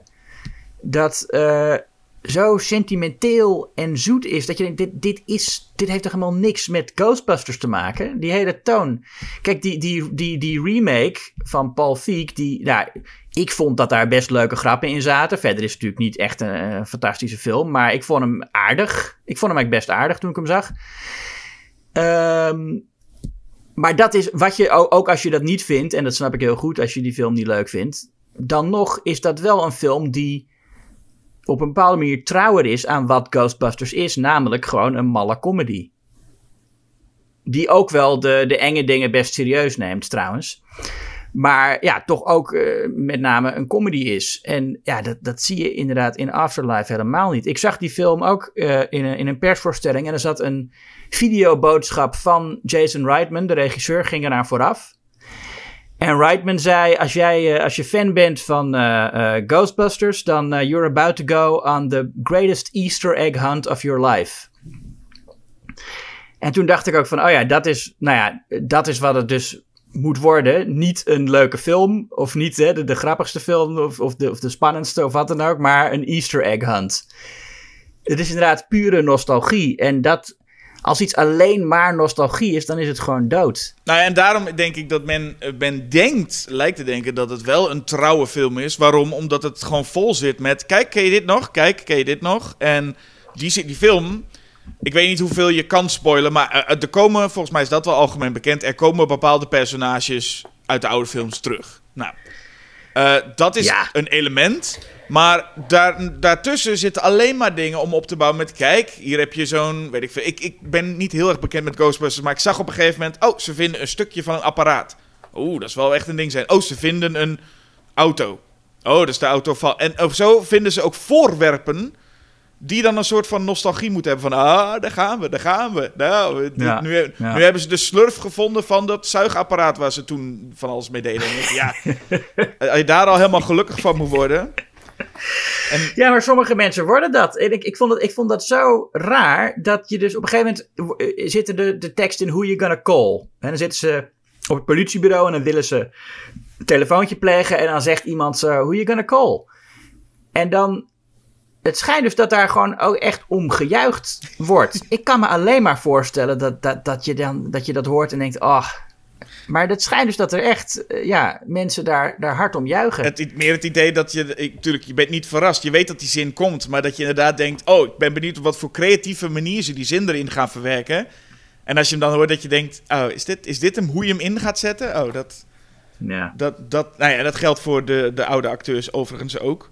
Ja, het, maar het is, die, die oude acteurs die nemen op een gegeven moment, misschien een beetje milde spoilers, maar eh, eh, nou ja, als je Ghostbusters fan bent heb je die film natuurlijk al lang gezien. Maar ze hebben zo weinig vertrouwen in hun nieuwe personages, dat ze gewoon de finale, zegt gewoon nou, we doen gewoon, die oude Ghostbusters mogen het weer doen. En dat die nieuwe personages die dan gewoon een beetje, ja, weggezet worden van, nou ja, dat, dat waren de nieuwe, maar nu gaan we terug naar de echte. Het voelde me ook een beetje als dat de film het, het, rond de climax ineens een soort van opgaf. En zo van, weet je, hier, doe dit maar gewoon. Ja. En Ik ik, doe weer gewoon hetzelfde. En dat is wat ik ook bedoelde met een, eh, die mislukte reset-knop. Dit is echt zo'n film waarbij ik denk: dit is geen reset, dit is geen reboot van nu gaan we heel veel films krijgen van deze personages. Want dat is, eh, ik denk dat niemand zit te wachten op die nieuwe Ghostbusters. Nee, terwijl ze best wat potentie hebben. En ook helemaal niet slecht gespeeld zijn. Ik vond dat, dat meisje zelfs erg goed. eh, hoe heet zij? De, de, dat, dat, dat, die dochter van. eh, de kleindochter van een Ghostbuster. Ja, nee, ik weet niet hoe ze inderdaad heet. Maar het was een leuk clubje. Maar ik geloof niet, het werd niet echt ingezet als zijnde: dit zijn, dit zijn ze. Het was gewoon, de hele film werkte toe naar. Eh, oh, kijk, we kunnen nog even genieten van die acteurs die nog in leven zijn. McKenna Grace. McKenna Grace. Phoebe. Ja, check. Zo heet ze, ja. Nou, die vond, vond ik een leuk personage. Maar ja, ook weer te weinig ingezet. En ja, de, de moppen die zijn verteld, dat zijn een beetje de, de enige echte grappen in de film. Ja, nou ja, en Paul Rudd die als docent eh Cujo eh, met de klas gaat kijken en dan ergens anders gaat Ja. zitten, vond ik nog wel geestig. Ehm, het punt is ook wat het een beetje doet, is dat je hebt het gevoel, ook al weten we met internet nu altijd wel alles van, als je een beetje geïnteresseerd bent in film, weet je alles al. Dus volgens mij was er al vrij snel bekend dat bepaalde acteurs zouden terugkeren in deze film.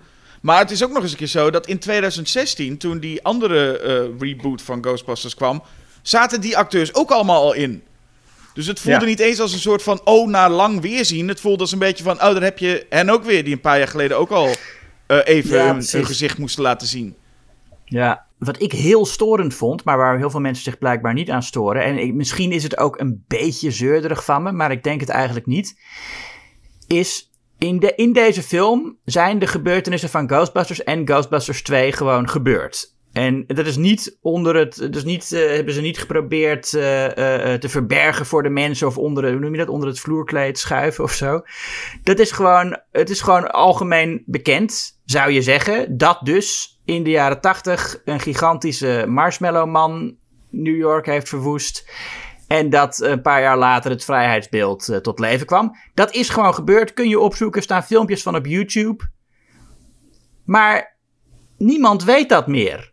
En eh, dan, zitten ze, dan, zi- dan zijn ze daar en dan zeggen ze... Ja, geesten bestaan niet hoor. Nee, dat weten we. Dat is allemaal niks. De Ghostbusters zijn vergeten. En op een gegeven moment moet, moet Paul Rudd dus op YouTube... een nieuwsuitzending opzoeken over...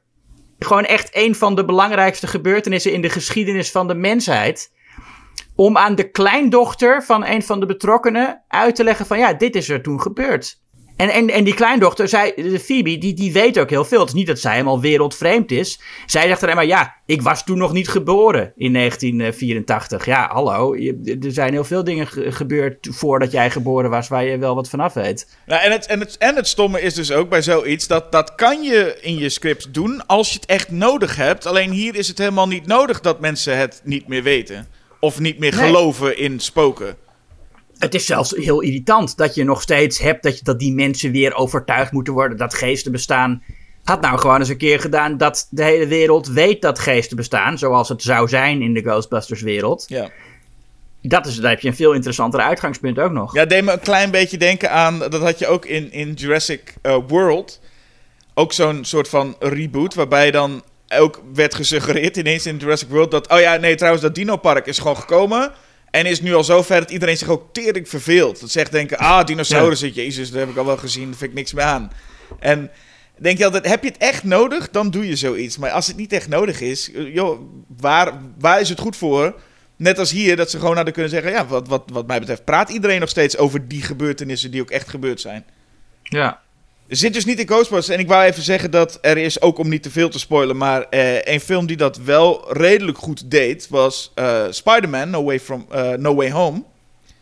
Die eigenlijk hetzelfde deed. Ook echt nou, één grote brok fanservice. Ik ben zelf niet per se vies van fanservice, maar ja, deze Spider-Man had wel een slecht script. Het is echt een heel slecht geschreven script, wat mij betreft. Maar de fanservice doen ze wel goed. En ik kon me hier wel echt voorstellen, wat ik ook eh, hoorde en ook wel zag, zelfs in de bioscoop waar ik zat, eh, dat er gejuicht werd. En dat een bepaalde terugkeer van bepaalde figuren ook wel echt gezien werd als: oh wauw, dit is wel leuk gedaan. Ehm, en dat is iets wat ik bij Ghostbusters echt voelde, dat, is, dat het, nou ja, dat dat volledig, niemand zat volgens mij echt per se te juichen. Nou, hoewel jij net zegt dat om de zin hoe je gonna call al... eh, Ja, er wordt, er werd, eh, als, als ik de andere recensies mag geloven, werd er flink gejuicht. Ja, ik kan me daar vrij weinig voorstellen. Terwijl ik dus inderdaad, nou vlak voor de, voordat de bioscopen dichtgingen, nog wel Spider-Man No Way Home kon zien. In een niet al te gevulde bioscoopzaal, waarbij er toch ineens door één of twee mensen dan gejuicht werd. Ik denk, oh, dat hoor je eigenlijk sowieso in Nederland niet zo vaak.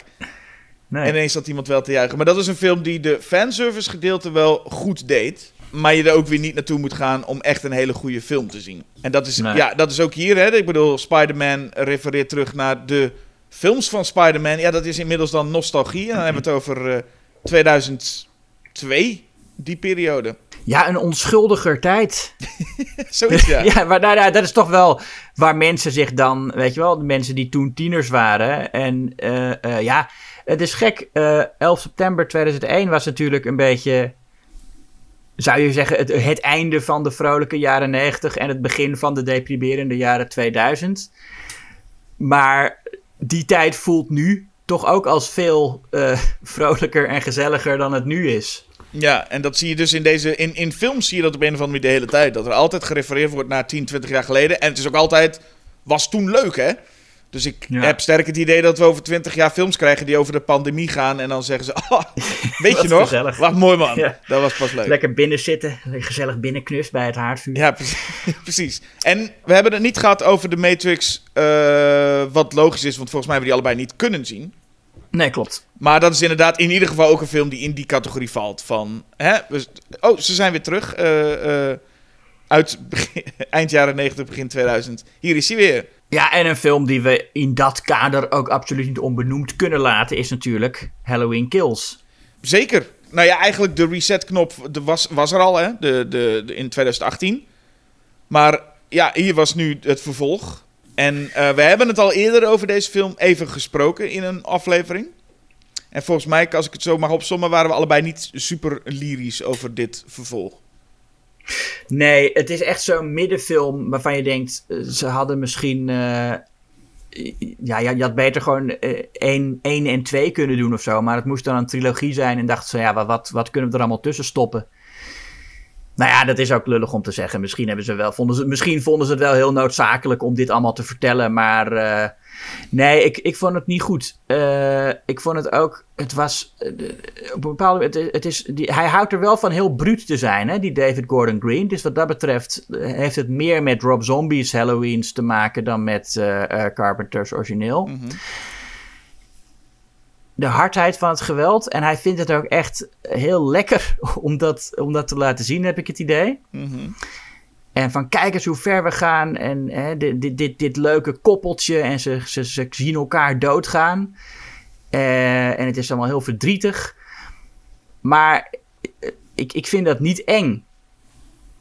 Nee, dit, nee, nee, ik, denk, nee. ik denk van waarom, waar, waarom doe je dit nou? Dit, die, die, die vrouw die op een gegeven moment haar, haar man ziet sterven... terwijl ze zelf ook met een soort gebroken glas in de keel ligt.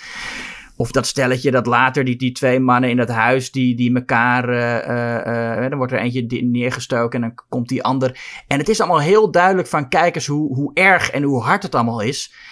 En ik vind ja, maar het, is, het, het zou eng moeten zijn of zo. Maar het, ja, je hebt toch het gevoel dat men, en dat, dat gebeurt ook in die slasher-series vaak re redelijk rond, nou laten we zeggen rond deel 4, 5, dat mensen dan maar richting wat meer heftige geweld gaan. Dat ze denken, ja, het kan nu, we hebben het enge nu gehad.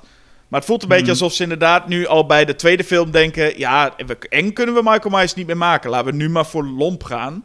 Of bruut. Ja. Uh, terwijl er volgens mij met dat personage nog heel veel engs te maken is.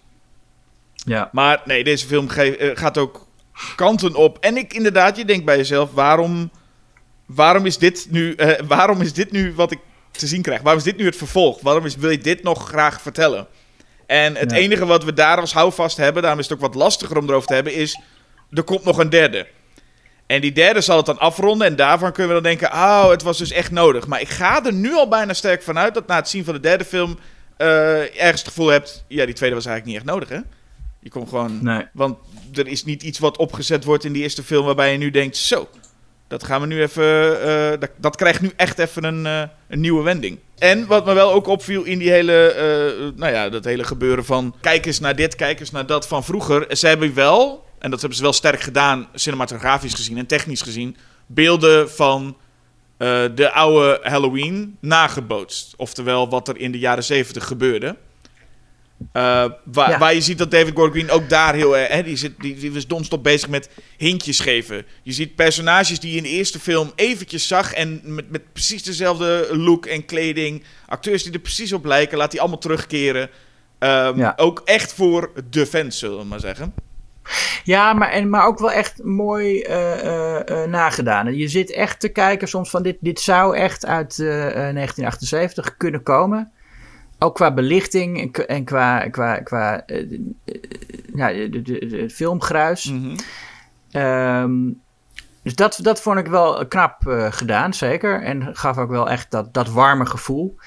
Uh, en zelfs dat Dr. Loomis, ik dacht eerst dat het een CGI resurrectie was. Maar het was gewoon een acteur die met heel veel make-up op zijn gezicht op Donald Pleasence uh, uh, ging lijken. Klopt, we hadden het er toen ook al over dat het CGI was. Ja. En later achterkwamen dat er voornamelijk make-up. Ik geloof echt wel dat er nog steeds iets van CGI bijgekomen is. Er was toch iets aan dat praten, die mond, dat niet helemaal klopte. Uh, ik zou verbaasd zijn als er echt 0,0 computer bij is komen kijken daar.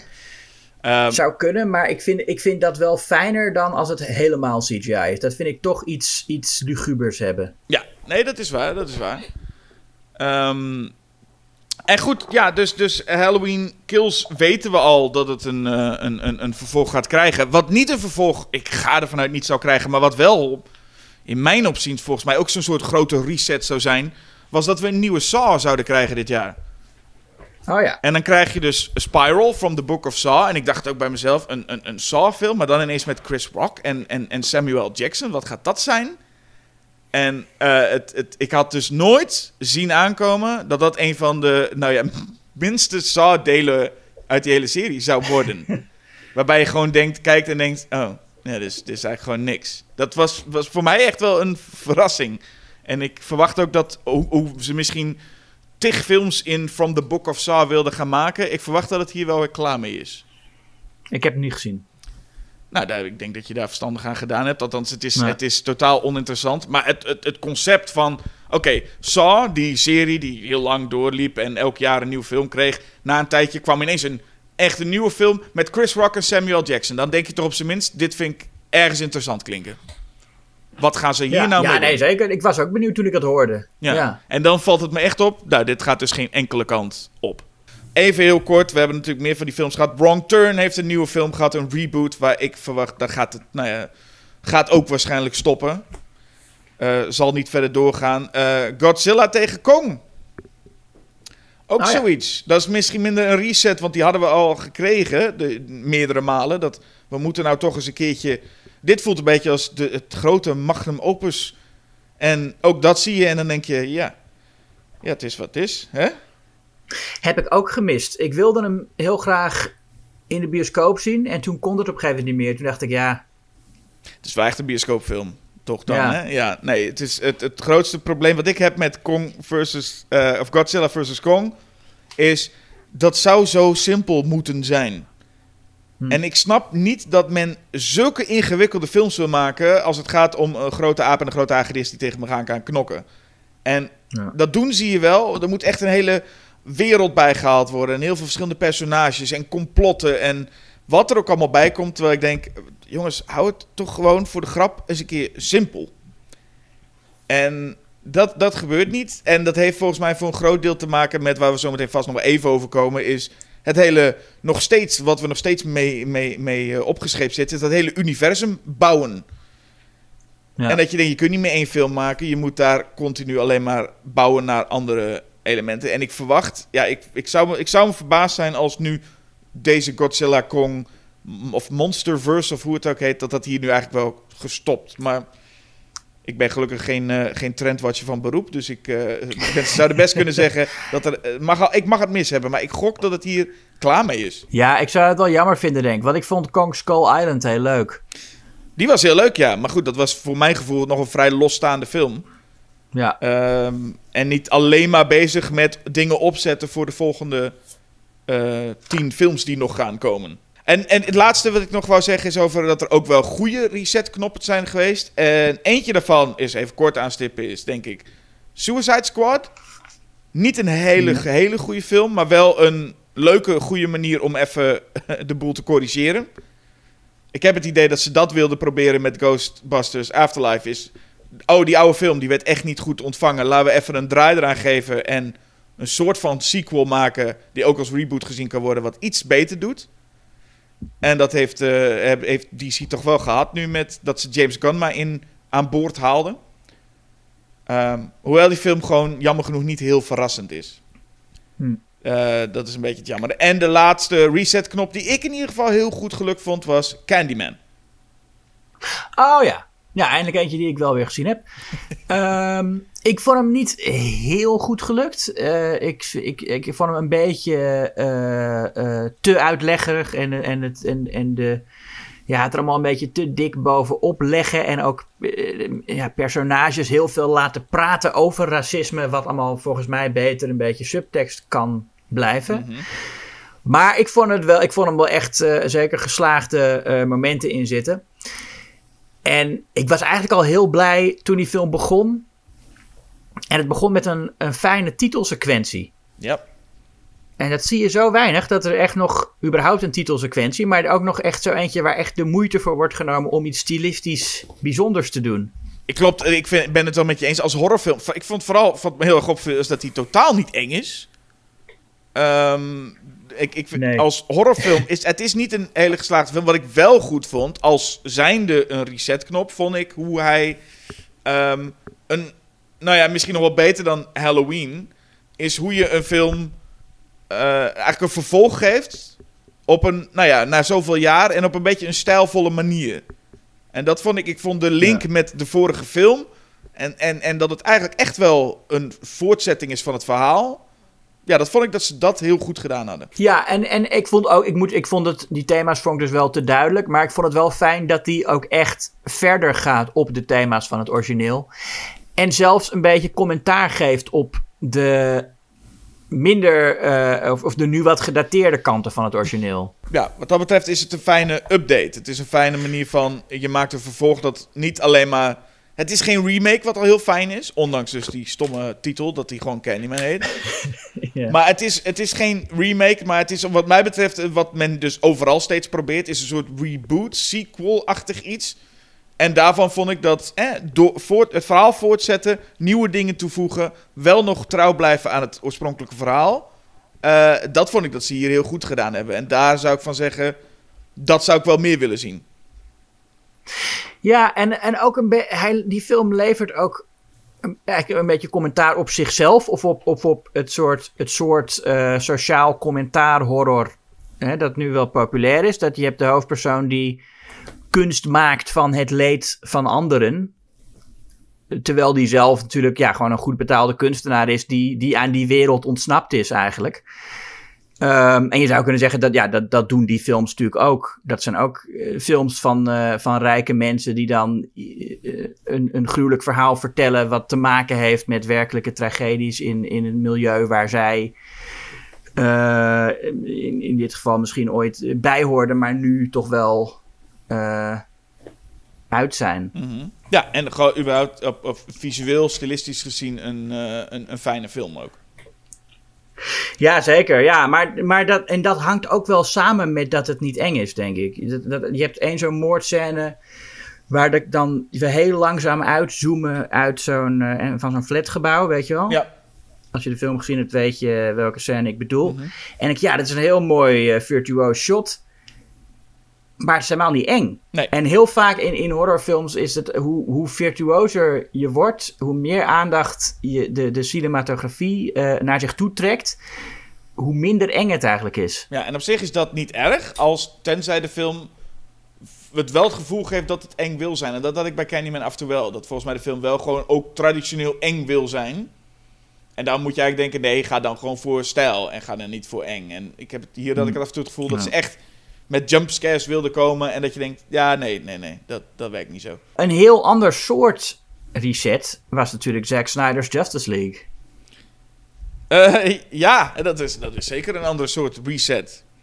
Eigenlijk was het al een kleine reset als we het toch over Zack Snyder. Eh, eh, Army of the Dead was ook al een reset. Want dan dachten ze, hey, we gaan Zack Snyder maar weer aan de zombiefilms geven. Waar hij ooit mee begonnen was. Ehm, Ja. Maar, eh, maar hij, eh, nee, hij keerde ook nog even terug met zijn, zijn Justice League. Ja. Ja, voor mij is de algemene consensus dat die wel eh, beter is dan de, de Joss Whedon versie. Ja. Ik zou zeggen, ja, hij is in elk geval consistenter, coherenter. besteedt meer aandacht aan personages die in de Joss Whedon versie niet uitgewerkt werden. Het is duidelijk een echt een coherenter verhaal. Maar wat ook zo is, hij is twee keer zo lang. en ja, dat is wel en da- maar dat, ja, als je die originele dan gezien hebt en je kijkt deze, zeg je ja, technisch gezien is het misschien een verbetering. Maar het is nog steeds niet echt een goede film. Het is, hij is ja. En, en eh, beter in die zin dat het een, een, gewoon een beter verhaal is. Maar het is, ja, je zit twee keer zo lang naar die onzin te kijken. Ja, dat, maar het is, het is ja, of, coherenter. Ik zou vooral zeggen, wat, wat het voelt is dat... eh, Zack Snyder heeft gewoon alles aan ons laten zien wat hij gefilmd heeft. Wel een beetje Ja. in de juiste volgorde gezet van, nou, zo zou ik het ongeveer vertellen. Maar het is gewoon alles wat hij gefilmd heeft, waarbij je voelt, oh ja, dat is wel inderdaad een hele eigen stijl. En dan valt op hoe die eerste Justice League qua, qua toon echt alle kanten op gaat. En vooral die, die, die Ja. he- hele slechte humor zit ineens ingepropt. En dat voel je gewoon heel sterk. Zeker als je dan inderdaad een beetje de achtergrond weet van... Ja, er moeten af en toe leuke Josh Whedon grapjes in. Eh, dat, dat, is, dat ontbreekt nu allemaal. Maar ik vind het is het, qua verhaal... Jongen, de, de, je zou hier makkelijk ook twee, een film van twee uur kunnen maken. Maar hij duurt vier uur. Ja. ja, en het ergste is wel, dan is hij op een gegeven moment is hij afgelopen, denk je.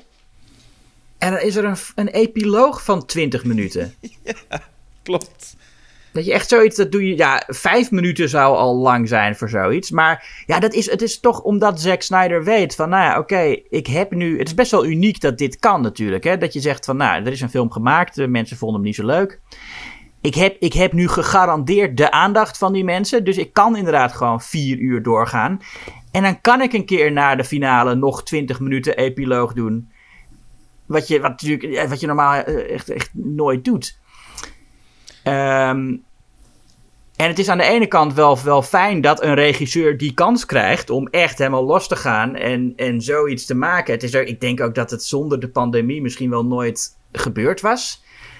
Ehm, of nou, eigenlijk zonder deze omstandigheden überhaupt. Als, als, weet je wel, want het is gewoon.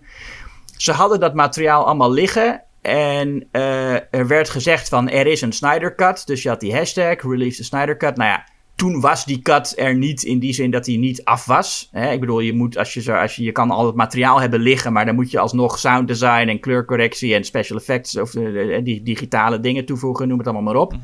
Dus dat is alsnog een heel prijzige onderneming. Maar ze zullen gedacht hebben van, nou ja, in, in, in, in de pandemie kunnen we dat eh, eh, eh, bij wijze van experiment best ons veroorloven.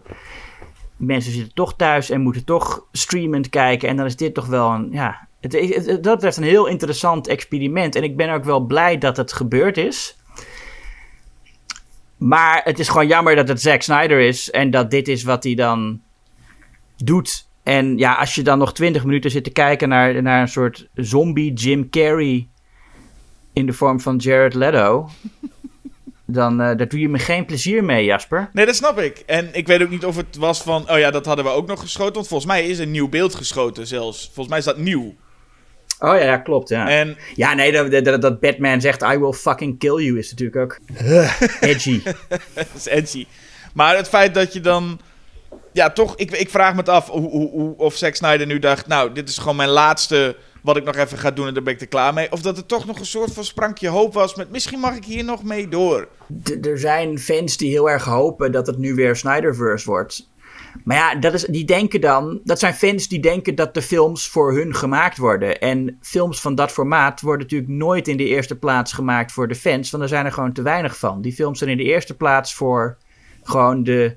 Zoals alle blockbusters, gewoon voor de, de, de gemiddelde bioscoopbezoeker Ja. die geen idee heeft, eh, eh, eh, weet je wel, van, wie The Flash en wie Aquaman eigenlijk zijn. Dat, dat, die mensen weten, die, die, die weten het allemaal niet. Die willen gewoon een, een, een, een leuke blockbuster zien. En als de fans er ook van genieten, is dat voor die studio alleen maar mooi meegenomen. Maar die films worden niet gemaakt voor de echte fans. En eh, ik denk dat ja, heel veel van die agressieve Twitter-fans... die realiseren zich dat gewoon niet. Als ze denken dat dit de toon is waarmee de serie verder gaat. Nee, en inderdaad, de cynische gedachte, of in ieder geval is de realistische gedachte, is ook dat men nu niet dacht: hey, de fans zijn ontevreden, ze willen meer. Maar inderdaad, de gedachte zou meer zijn geweest: ja, we hebben het beeld toch liggen, we moeten nog even iets uitbrengen, zullen we dit uitbrengen? Ja, het kost een paar miljoen en dat is voor zo'n studio natuurlijk eh, niks. Nee, als je toch al geschoten hebt en dergelijke. Ik, ik vraag me dan af of je de acteurs allemaal nog een keertje moet betalen. Waarschijnlijk ook nog wel iets. Ja, voor die reshoots, tuurlijk. Ben Affleck, die komt ook zo, die komt niet gratis voor een reshoot. Nee, niet voor de reshoots. Voor het feit dat je gewoon jou, ja, als een nieuwe film Oh. opnieuw jouw beeld. Ik bedoel, mag, mag je dat eeuwig gebruiken? Ik vraag me af Oh of, ja, dan weet ik niet hoe dat of je alle acteurs ja. nog een keertje moet uitkopen, et cetera, et cetera. Of ja, hoe dat met die contracten werkt. Maar in ieder geval, ik denk dat het een wat cynische gedachte was. Maar het was een interessant experiment, inderdaad. Dat de acteur, dat een, een, een regisseur door. eh, nou ja, en fans nu voelen dat ze gewoon. eh, nou ja, het recht hebben op een andere versie. En laten we vooral eens kijken waar dat. Laten we gewoon bij andere films dat ook maar gewoon gaan roepen. Kijken wat voor versies we krijgen. Ja. Nou, als we dan toch nog heel even. We zijn nu bij. bij je, je, je stipte die superheldfilm aan. Ik, ik, heel even nog Marvel. Want dat was 2020 de grote afwezige. Nou, er waren wel meer dingen afwezig in 2020. Ehm, maar wat mij dan opviel is dat je had in 2019 Endgame. En dat was toch wel een dingetje. Ik, Ja. ik, ik weet ook wel dat met mensen. Ja, ik was zelf ook een van die grote fans die bij Endgame echt zat te popelen om in de bioscoop die film te zien. En ik zat ook later nog wel een beetje dat doemscenario, wat ze bij Marvel ook gehad moeten hebben. Van je zou maar Endgame iets uitgesteld hebben en dat die in 2020 eigenlijk uit zou komen. Hè, dat je grote film wordt uitgesteld. Ik, ze hebben echt geluk gehad dat 2019 konden ze nog even even los. Alleen het enige probleem is nu dat alles nu in 2021 onze kant op geschoven werd wat ze nog hadden liggen. En dat was wel veel. En over het algemeen ook niet goed. Dus ik moet even, eh, ja, heel kort er even doorheen. Ik heb geprobeerd alles te zien. Ik heb nog niet alles gezien, maar er kwam in eerste instantie het jaar begon redelijk goed met WandaVision. Dat was op zijn minst interessant. Ik moet zeggen dat dat vooral die eerste paar afleveringen en de stijl van die serie WandaVision was eigenlijk nog wel goed. Ik, het einde is een beetje, een beetje poep. Maar eerlijk gezegd was, vond ik het concept en vooral hoe ze dat aangepakt hebben met die oude sitcoms die, die op een beetje waar het verhaal mee verteld wordt, Hmm. opvallend goed gedaan. ja, en niet gezien. Nee, nou ja, dat geeft niet. Maar als je al iets zou zien, dan zou Ja. dat nog een leuk experiment zijn. Gewoon de stijl. Maar verder, daarna Black Widow kwam. Was, dat was helemaal niks. Eh, eh, de serie The Falcon and the Winter Soldier was zo... Nou ja, je, je, ziet het en je bent het weer vergeten. Die eh, The Eternals. Een film van gevoelsmatig ook vier uur. Wat, wat geen... Nou ja, waar ook niks positiefs over te zeggen valt. Shang-Chi vond ik ook helemaal niks. Hoewel men daar dus wel heel erg fan van schijnt te zijn. En dan had je nog de dingen die ik niet gezien heb. What If en Hawkeye. En afsluiten nu ook met Spider-Man No Way Home. Nou, dat zijn er zoveel. En ik was de... eh, eh, nou ja, toch wel een van de liefhebbers van Marvel. Maar ik ben ook wel echt enorm klaar. Ook zeker na dit gezien te hebben. En Ik heb ze allemaal niet gezien en ik eh, mis het absoluut niet. Nee, en dat, nou ja, ik, ik zelf zou tegen jou zeggen. Ik denk dat Spider-Man No Way Home nog wel leuk is om te gaan zien hoor. Ja, ook, ja, die ga ik misschien nog wel eens kijken. dat zou ik ja. nog wel doen. Eh, niet te veel van verwachten. En vooral het hele verhaal is eigenlijk allemaal een beetje, een beetje, een beetje niks. Maar op die film na en het eerste van WandaVision was het ook allemaal zodanig matig. Terwijl ik ja, dus nog weet dat ik in 2019 bij wijze van spreken, want ik schreeuw niet in de bioscoop, maar bij wijze van spreken schreeuwend zat te kijken naar die, eh, naar die film en, en zat te juichen. Ja, dan is het toch wel een beetje zuur om te zien wat daar nu allemaal mee gebeurd is. Er is nog een lichte hoop dat het nog een beetje rechtgetrokken wordt, maar ik ben er ook wel een beetje klaar mee. En dat had ik niet verwacht. Misschien ben ik ook Nee. gewoon zuurder aan het worden, maar eh, eh, ik, ik vond het jammer. Ik hoopte het nog een tijdje te kunnen uitstellen, mijn eh zuurderigheid richting Marvel en, en überhaupt superheldenfilms. Maar hij is nu toch wel begonnen hoor. Ja. nou ja, nu, nu gaan we toch wel misschien de kant op van de positievere dingen. Althans, als ik zo kijk wat ik dit jaar nog eh, gezien heb. Ja, laten we even, even afsluiten, het jaar afsluiten met wat positiviteit. Voordat we. Hè? Ja, en ja, we gaan natuurlijk in de aflevering waarin we allemaal onze top 5 geven nog veel meer positiviteit horen. Ehm, dus we zullen, we zullen de films die daarin thuis horen misschien wat minder eh, uitgebreid bespreken. Maar iets wat ik eh, dit jaar, eh, wat een heel positieve verrassing wordt, wa- was voor mij was de Fear Street trilogie. Vooral het eerste deel vond ik erg leuk. Ik vond hem wel, ja, het, begon toen dacht ik, oh, dit leunt ontzettend op, eh, op, op, op nostalgie naar de jaren negentig. En ook- vooral qua muziek, hè, die, die needle drops. Op een gegeven moment wordt het nummer Insane in the Membrane van Cypress Hill wordt onderbroken en dan begint Creep van Radiohead. En dat zijn ook wel zulke makkelijke keuzes qua jaren 90 nostalgie. Dat ik denk, ja, eh, dat had je misschien. Maar op een gegeven moment, eh, het- ik, hij was zo, die film is zo oprecht in zijn, in zijn intenties. En dat vond ik echt leuk. Dat, er zit eigenlijk niet nauwelijks. Die, die knipoog die je misschien zou verwachten, zit er nauwelijks in. He- Het heeft verder niks te maken met de Fear Street boeken van Errol Stein, die over het algemeen eh, niet bovennatuurlijk zijn, maar gewoon een soort, een soort slashers eigenlijk. En dit is ook wel een slasher, maar wel met een heel belangrijke bovennatuurlijke eh, eh, twist. Ehm, maar ik vond vooral de eerste echt heel fijn oprecht geletterd in het genre. En ik vond het heel fijn dat alle personages echt competent zijn en ook echt menselijk gemaakt worden. Ook de personages waarvan je eerst denkt dat is gewoon slachtvee.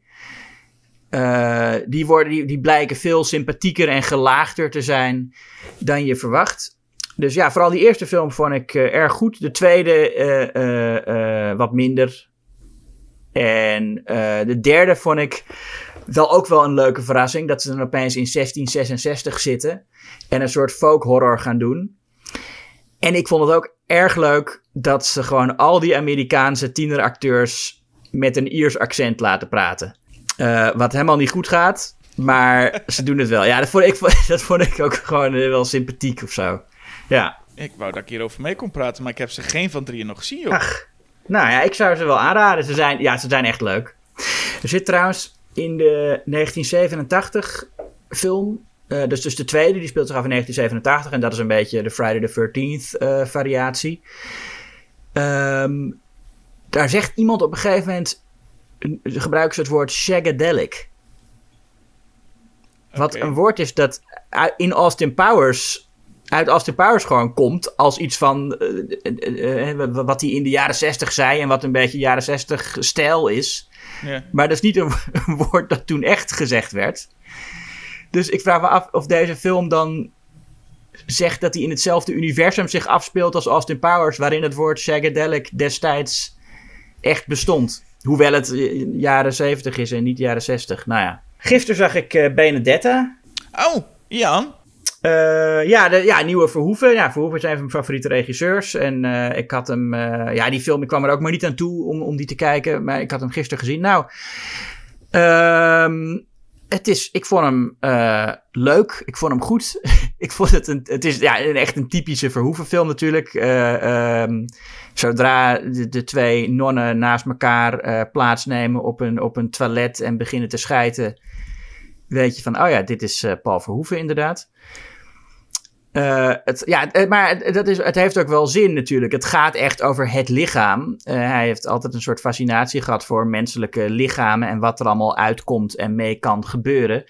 En in dit geval, zoals vaak ook bij hem, echt gekoppeld aan religie. En het idee dat, nou ja, in, in, in- in de katholieke kerk wordt nog steeds wel gezegd en werd toen, in, we hebben het over de 17e eeuw, al helemaal gezegd dat het lichaam eh, eh, je, vijand is, weet je wel. En dat genot van je lichaam is iets slechts.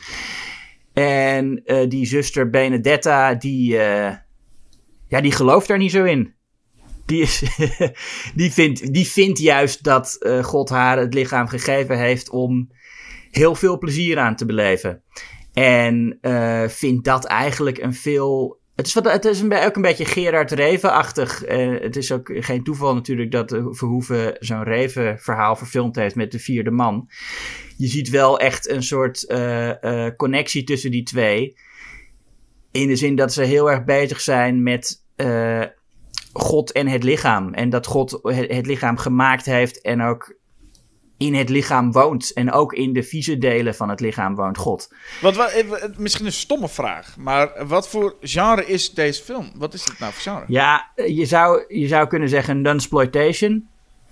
Ehm het, is, het is deels een drama, het is deels eh, erotiek, het is ehm, ja, ook wel een beetje een thriller. En er zitten, er zitten wel spannende momenten in. Er zit, er zit zo afbloedig geweld in, een beetje. Eh, dus je, je zou het, nou ja, met, met, met, met veel fantasie zou je kunnen zeggen dat er een paar horrorscènes in zitten. Eh, ik vind het wel echt een schokkend nieuwsfilm. Bijna een genre op zich, een Paul Verhoeven film.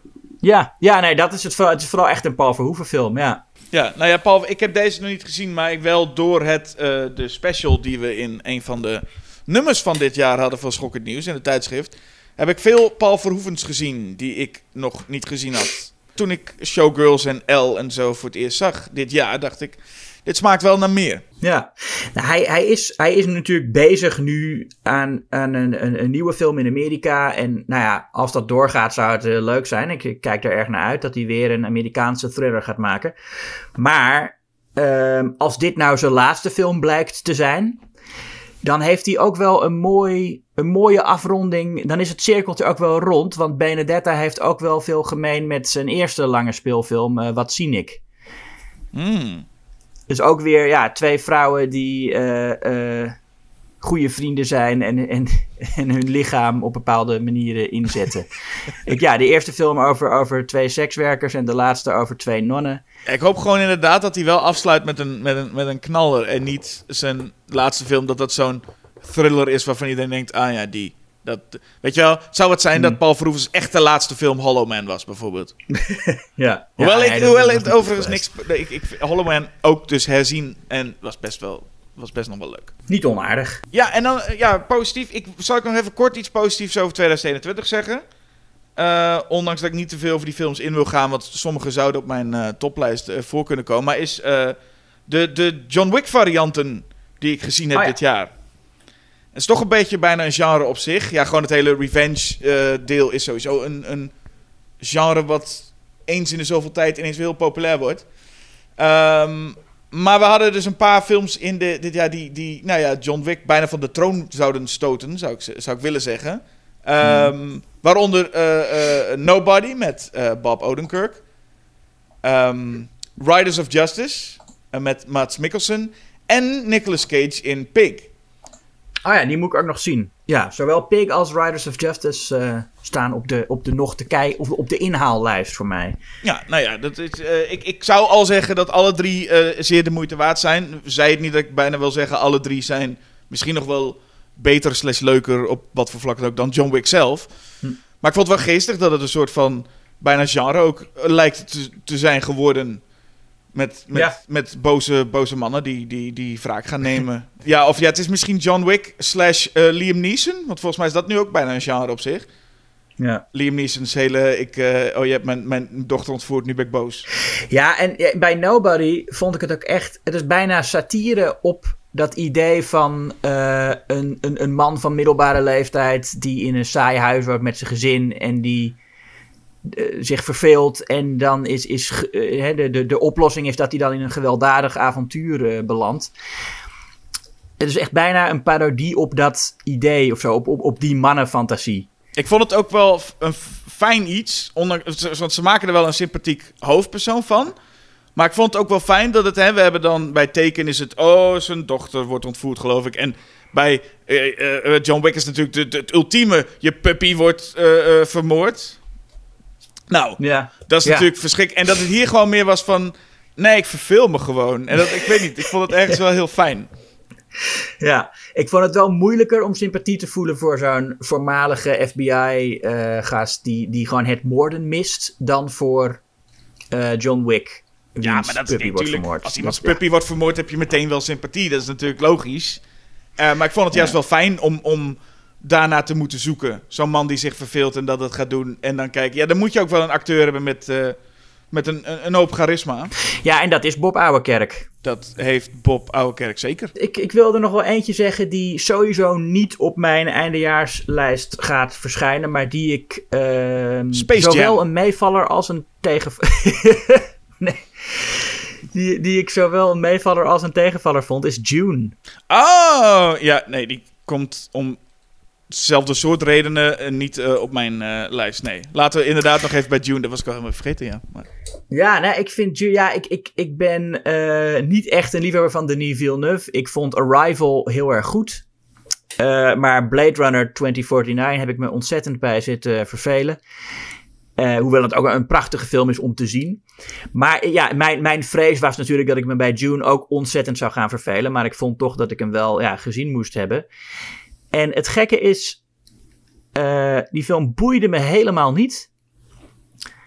Maar ik heb me ook niet echt verveeld. Ik vond het echt het summum van gewoon een, een heel oké film. Ik heb echt gewoon lekker in die bioscoop gezeten.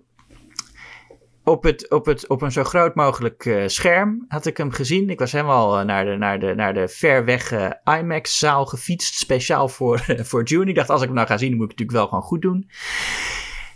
En ja, hij kabbelde een beetje rustig over me heen. En ik zat daar en ik dacht, ja, dit is allemaal best wel eh, oké. Het is niet spannend, het is niet grappig. Ik, het, het, het interesseert me totaal niet wat deze mensen allemaal doen. Maar nou, Nou, ik ben het met 50% van jou, eh, jouw zinnen eens. Wel, denk ik. Eh, ja. ik, had, ik, had, ik had ook een fout gemaakt, denk ik. Een fout gemaakt, maar ook wel iets, iets, iets goeds. Ik heb David Lynch doen dus gekeken voordat ik deze film ging zien. Ja. Wat mij heel erg hielp, want anders had ik er waarschijnlijk geen hol van eh, gesnapt. Want het, is- nee, dat heb ik eigenlijk bij alles. Dat heb ik bij, had ik bij Game of Thrones, had ik bij Lord of the Rings. Ik heb altijd, bij zulke films, bij Star Wars heb ik dat ook. Dan kijk ik dat en dan denk ik altijd, ik heb geen... Wat gebeurt hier allemaal? En wie zijn dit allemaal? Dus ik was wel blij met Dune van David Lynch, dat ik die gezien had. Daar had ik in ieder geval een beetje context met eh, wie, hoe dat verhaaltje nou een beetje in elkaar zit. Ja. En het, het probleem is alleen dat ik dat van David Lynch... Ja, ik vind het geen hele goede film van Lynch... maar het is wel een enorm lekker gekke film... wat je van Lynch ook wel een beetje mag verwachten. En toen zag ik deze en ik begon gewoon meteen... Ja, eh, schetende monsters te missen en zo. En het was allemaal zand en steen. Ja. En, en alle ruimteschepen, ja, het ziet er misschien uit zoals het had, zou kunnen zijn. Gewoon, maar het was gewoon een, een blok cement. En alle personages waren gewoon, ja, daar heb je, daar heb je Josh Brolin en daar heb je Aquaman en daar heb je... Ik, ik, gewoon, niks daarvan was ook maar enigszins interessant wat mij betreft. Maar het visuele viel me ook een beetje tegen. Met, er zat niks speels in, er zat niks geks in. Ja, nee, sp- speelsheid, dat, dat mist eh Villeneuve eh, ontzettend. Speelsheid. Ja, en nou, dit vraagt er ook wel een beetje om. Ik kan me best voorstellen dat, dat bepaalde films zoals, eh, weet je wel, Prisoners of ik denk Arrival zelfs van hem ook wel, die juist moest hebben van, we zijn niet speels, we maken het juist even heel oprecht. Hmm. Maar ik vond hier, dacht ik, ik bedoel, iets, ik bedoel, het ergste, het, het enige wat ze nog een beetje aan stippen is dan de, de Baron, gespeeld door Stellan Skarsgård. Ja. En die wordt dan ook heel minimaal. Ik, ik snap wel dat je niet allemaal zo over de top als Lynch kunt gaan. Maar het mocht wel een beetje. En het enige, ja, je hebt hier een beetje wat dikkig mannetje dat een beetje kan zweven, zie je heel eventjes. En een hintje van een soort van grote worm. Maar dat was het. En dan denk ik, dan vind ik 2,5 uur wel een enorme zit hoor, met voornamelijk zand. Je zei van, eh, eh, je had het over oprechtheid. Ik, ik denk dat eh, je, je- speelsheid hoeft helemaal niet in tegenstelling te zijn tot oprechtheid. Je kan, ik bedoel, David Lynch is, is vaak ook, is, is in al zijn films heel oprecht volgens mij. Mhm. Ik bedoel, Wild at Heart is misschien zijn meest speelse film, maar oh, is, is ook echt een oprechte film, toch? Ja, ja, ja. Nee, nee, het kan zeker. Nee, het, het, het een sluit het ander zeker niet uit. Nou ja, om, om, om toch nog iets, iets positiefs te noemen. Eentje die het waarschijnlijk ook niet gaat halen op mijn eindlijst. Maar die ik wel eh, eh, zou aanraden aan liefhebbers van spookhuisfilms is The Night House. Oh ja, ja. Ehm, en ja, wat ik ook leuk vind daaraan, ze doen iets. Er zit een bepaald visueel trucje in. Als je de film gezien hebt, weet je wel wat ik bedoel. Iets wat je eigenlijk alleen in een film kan doen. En dat vind ik altijd leuk. Als er in een film iets gebeurt wat alleen in een film kan. Wat je niet zou kunnen reproduceren in proza of in een toneelstuk. Ehm, waar je echt eh, ook tweedimensionale ruimte voor nodig hebt.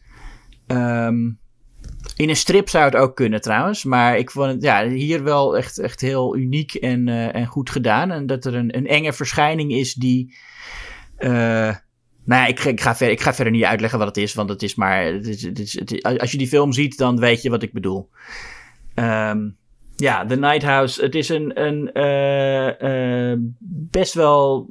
serie- Ik vond hem eigenlijk niet eng genoeg voor een, voor een serieuze spookhuisfilm. Maar er zitten wel echt mooie, enge momenten in. En het is, zoals het een goede spookhuisfilm betaamt, echt een melancholisch en eh, somber verhaal over rouw ook. Ja, en het, wat, wat, wat mij vooral is bijgebleven van deze film is het, het fantastische werk van Rebecca Hall, die de hoofdrol speelt. Ja, ja, ja, ontzettend, ja. Ik vond het ook een, een mooie film. Op een, het ziet er mooi uit. Het is, het is een Ja. hele, ik vond het een hele rustgevende film ook. Ja, Ehm, ondanks Ja, wat er gebeurt. En er is een scène dat zij heeft dan, is haar, haar man onlangs verloren. En is een van de, in een vroege scène zit zij in, op school en komt er een ouder bij haar om een hogere ja. cijfer te krijgen. Ja, dat is, het is, een, het het is een enorm goed geacteerde en enorm leuke scène. Waarbij je ook heel veel van haar personage meekrijgt. ja. Eh, zulke dingen, die zijn wel bijgebleven. Eigenlijk, eigenlijk het horrorgedeelte is misschien nog het minst bijgebleven. Ja, nee, ja, klopt. Ja, ja. Dan wou ik nog even noemen een, een kleine film die het ja, misschien in mijn top 5 gaat komen. Maar dat, ja, ik ben ook nog niet in mijn top 5 staat al op de website. Maar die, is- ja, die, die wordt misschien nog anders, want ik moet nog van alles inhalen. Dus wie weet. Ja, maar, tegen de tijd dat we eh, de eindejaarspodcast hebben, hebben we misschien ook alweer dingen inmiddels gezien, waardoor je toch weer helemaal verandert. Ja, precies. En, maar ik wou dan toch wel even Strawberry Mansion eh, genoemd hebben. Een, een kleine film over. Het gaat over. Het is een, een science fiction film. Waarin een eh, soort belastinginspecteur komt. die eh, mensen hun dromen gaat kijken. Want op dromen zit ook belasting. En als je dus bepaalde voorwerpen in je dromen hebt. dan moet je daar meer belasting voor betalen. Dus het werk van die man is dat hij de hele dag naar de dromen van andere mensen zit te kijken. Ja, en het is heel leuk dat het ook. Het, is dan, het speelt zich af in de toekomst, maar al die dromen staan gewoon op videobanden. Dus het is ook een beetje van. eh, niet echt de toekomst of gewoon een soort alternatieve realiteit. Uh, het is met een soort uh, doe-het-zelf-achtige uh, special effects. Weet je wel, van, van dat, dat, die, die helm die hij op moet zetten om die dromen te zien. Dat is duidelijk met een stofzuigerslang gedaan en zo.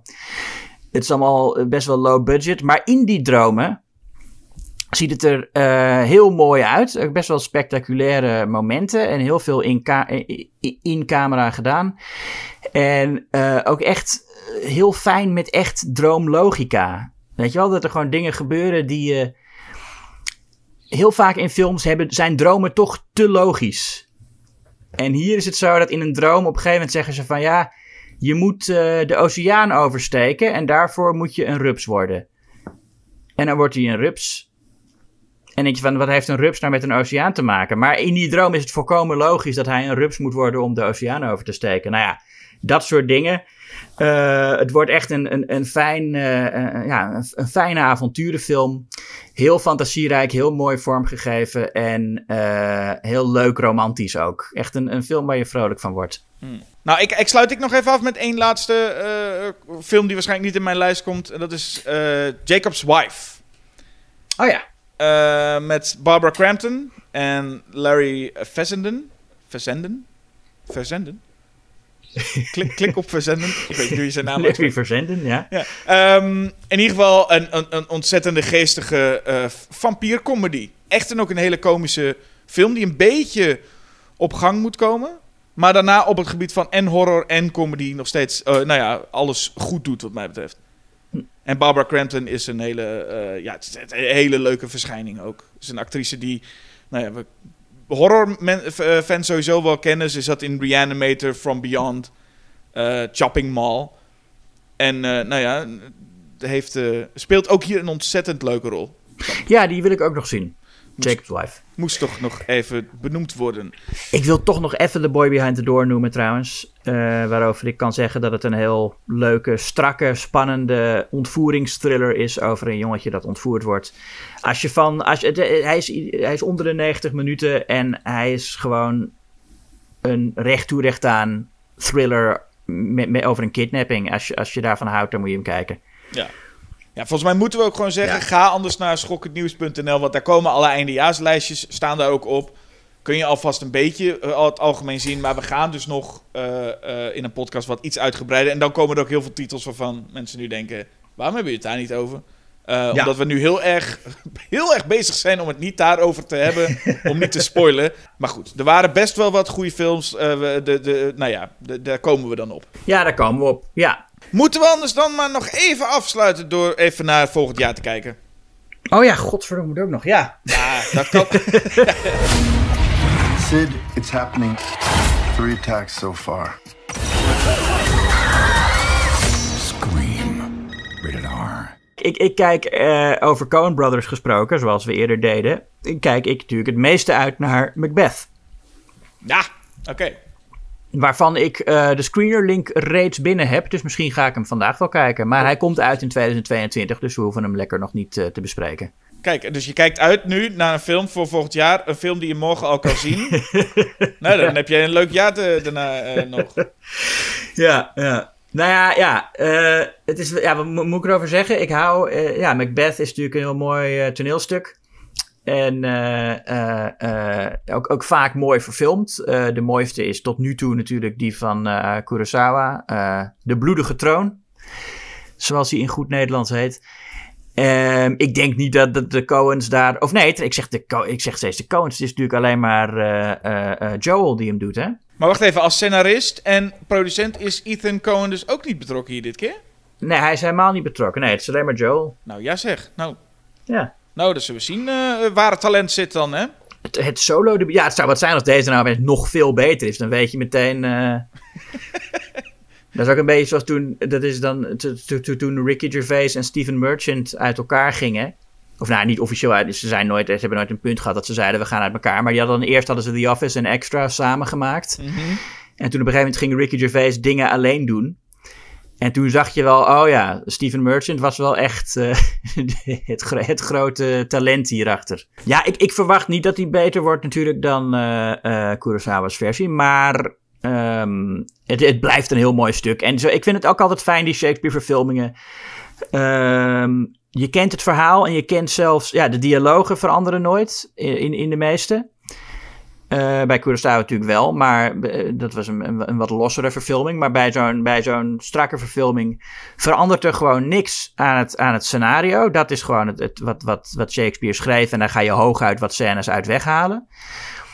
Ehm, maar toch eh, blijft het altijd leuk om te zien ja, hoe, hoe mensen dat dan invullen. Als je gewoon precies hetzelfde script hebt, wat ga je dan doen om het je eigen te maken? Daar ben ik benieuwd naar. Dat, dat snap ik heel goed, ja. Een paar films, laten we gewoon even een paar films. Dan weten we voor waar, waar, waar kun je ongeveer naar uitkijken. Op het gebied van horror eh, zitten we al vrij vroeg in het jaar met Scream. Ah, ja.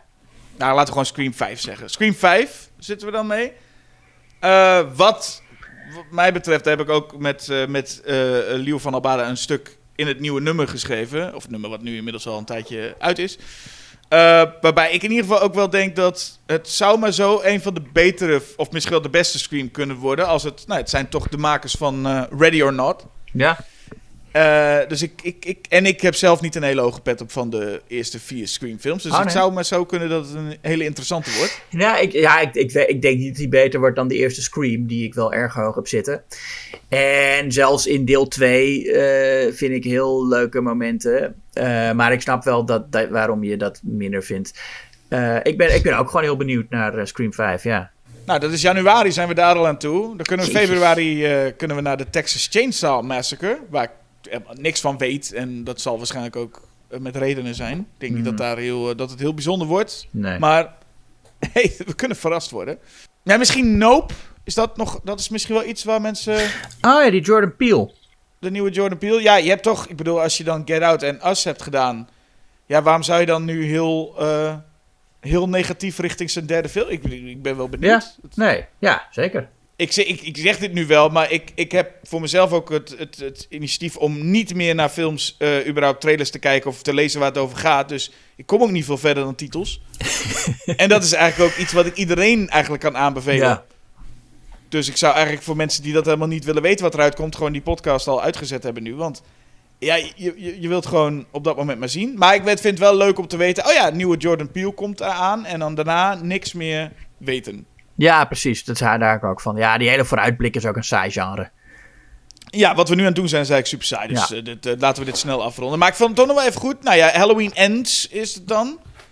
Ehm, dat vind ik toch nog wel een lastig hoor. Ik weet Ja. niet hoe jij daar tegenaan kijkt. Want ik, ik hoorde dan dat ze nu ook de pandemie erin gaan betrekken. Oh ja. Ja, klopt. Ja, ze hebben dan dingen veranderd. Hè? Ze, want ze hadden, ze hadden al een script klaar, maar nou die pandemie is geweest, zeggen ze, nou, oh leuk, dan kunnen we dat er ook in doen.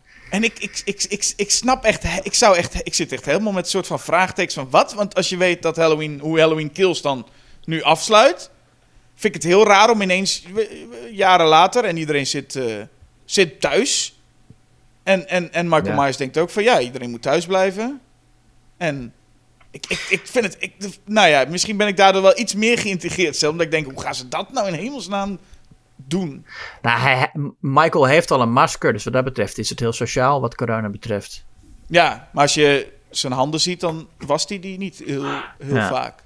Misschien gaat hij wel dood aan, aan COVID. Misschien is dat wel het einde. Dat is een soort War of the Worlds ding. Van uiteindelijk, uiteindelijk werd de grote schurk gewoon geveld door een virus. Hoest iemand in zijn gezicht.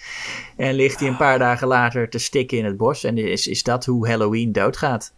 Oh, dat ze zijn masker aftrekken, in zijn gezicht niezen en dat hij dan doodgaat. En dat het einde gewoon alleen maar staat van wear a mask. ja. Gewoon een, een, een- trilogie helemaal voor, voor Rijksoverheid.nl. ja. Ja, nou, in ieder geval toch wel dan daarop benieuwd naar. Hetzelfde heb ik een beetje met Salem's Lot, dat terugkeert. En ja, dat, ik weet niet zo goed wat ik daarvan vind. Eh, De, de maker is Gary Dauberman van de Conjuring films en de schrijver van de nieuwe It's. En dan denk ik, ja, ik, ik, is een beetje, vraag ik me af, hoe, hoe leuk dat wordt, hoe goed Hmm. dat wordt. Ja, Ehm, ik, heb, ik heb dat boek laatst voor het eerst gelezen. Eh, er, zit, er zit wel veel in. En het is ook wel verrassend hoe een vampierverhaal eh, toch nog een beetje eng kan zijn. Ik, ik, ik, vind, ik, word, ik, ik vind boeken eigenlijk zelden eng. En de, de- maar hij was wel enger dan ik eh, verwacht had, Salem's Lot. Hmm. Nou ja, we hebben in ieder geval twee verfilmingen gehad. Eerst eentje van Toby Hooper en ook nog een met, eh, met Rob Lowe. In, eh, en, en, en beide redelijk hetzelfde verhaal. Dus ik vraag me echt af wat, of er nog iets nieuws aan toegevoegd kan worden. Ehm, en nou, twee titels waarvan ik denk dat nog, nog wel echt interessant zijn. Een nieuwe Evil Dead, Evil Dead Rise. En een nieuwe Hellraiser. Ja, die nieuwe Hellraiser, daar ben ik wel erg benieuwd naar. Ja, van, nou ja, van de maker van, eh, van eh, de, de Night House dus. Ja, nou ja, daarom inderdaad. Dat is ja, in elk geval een eh, visueel interessante horrorfilm. Ehm, ik ben ook wel benieuwd naar de nieuwe Pinhead. Maar ik ben even vergeten hoe die actrice heet. Dat ga ik even opzoeken. Weet ik ook niet precies. Maar volgens mij was dat in ieder geval al een heel ding. Dat het in ieder geval dit keer een actrice zou worden. Ja, Jamie Clayton. Ja. Ja, nou ja, goed. In het boek van Clive Barker eh, wordt Pinhead omschreven als een, eh, als een androgyne figuur met een, met een, met een meisjesstem. Het is eigenlijk meer vrouwelijk dan mannelijk, eh, Pinhead, in het boek. Dus het is wat dat betreft... Ja, en, en, en inmiddels is het ook zo dat je hebt natuurlijk acht films met Doug Bradley gehad, dus je snapt wel dat fans aan hem vastzitten als soort van het moet Doug Bradley zijn. Maar we hebben nu ook al twee vervolgfilms gehad waarbij twee niet-zeggende acteurs Doug Bradley proberen na te doen. En dat werkt ook niet, dus dan denk ik van ja, geef dan ook gewoon maar compleet iets anders dan iemand die Doug Bradley probeert te imiteren. Ja, dat moet je ook niet doen. Want eh, ja, Doug Bradley was, was een hartstikke goede pinhead. Maar als je echt weer terug wil naar dat boek... dan moet je niet zo'n soort rol doen, vind ik. Nee, nee, dat geldt voor heel veel dingen. Dat geldt ook dat ze, als ze een nieuwe Freddy maken, moeten ze ook echt iets nieuws ermee gaan doen. Ja. En niet gewoon iemand die het, die het nadoet. Dus dat, daar ben ik nog wel benieuwd naar. Nee, je hebt natuurlijk dan met Evil Dead Rise een nieuwe Evil Dead.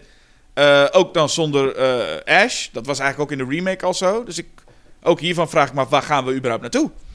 Ja. Nou, even heel kort, we stipten het even aan. Als we het toch over die superhelden in ieder geval hebben. In ieder geval de Batman.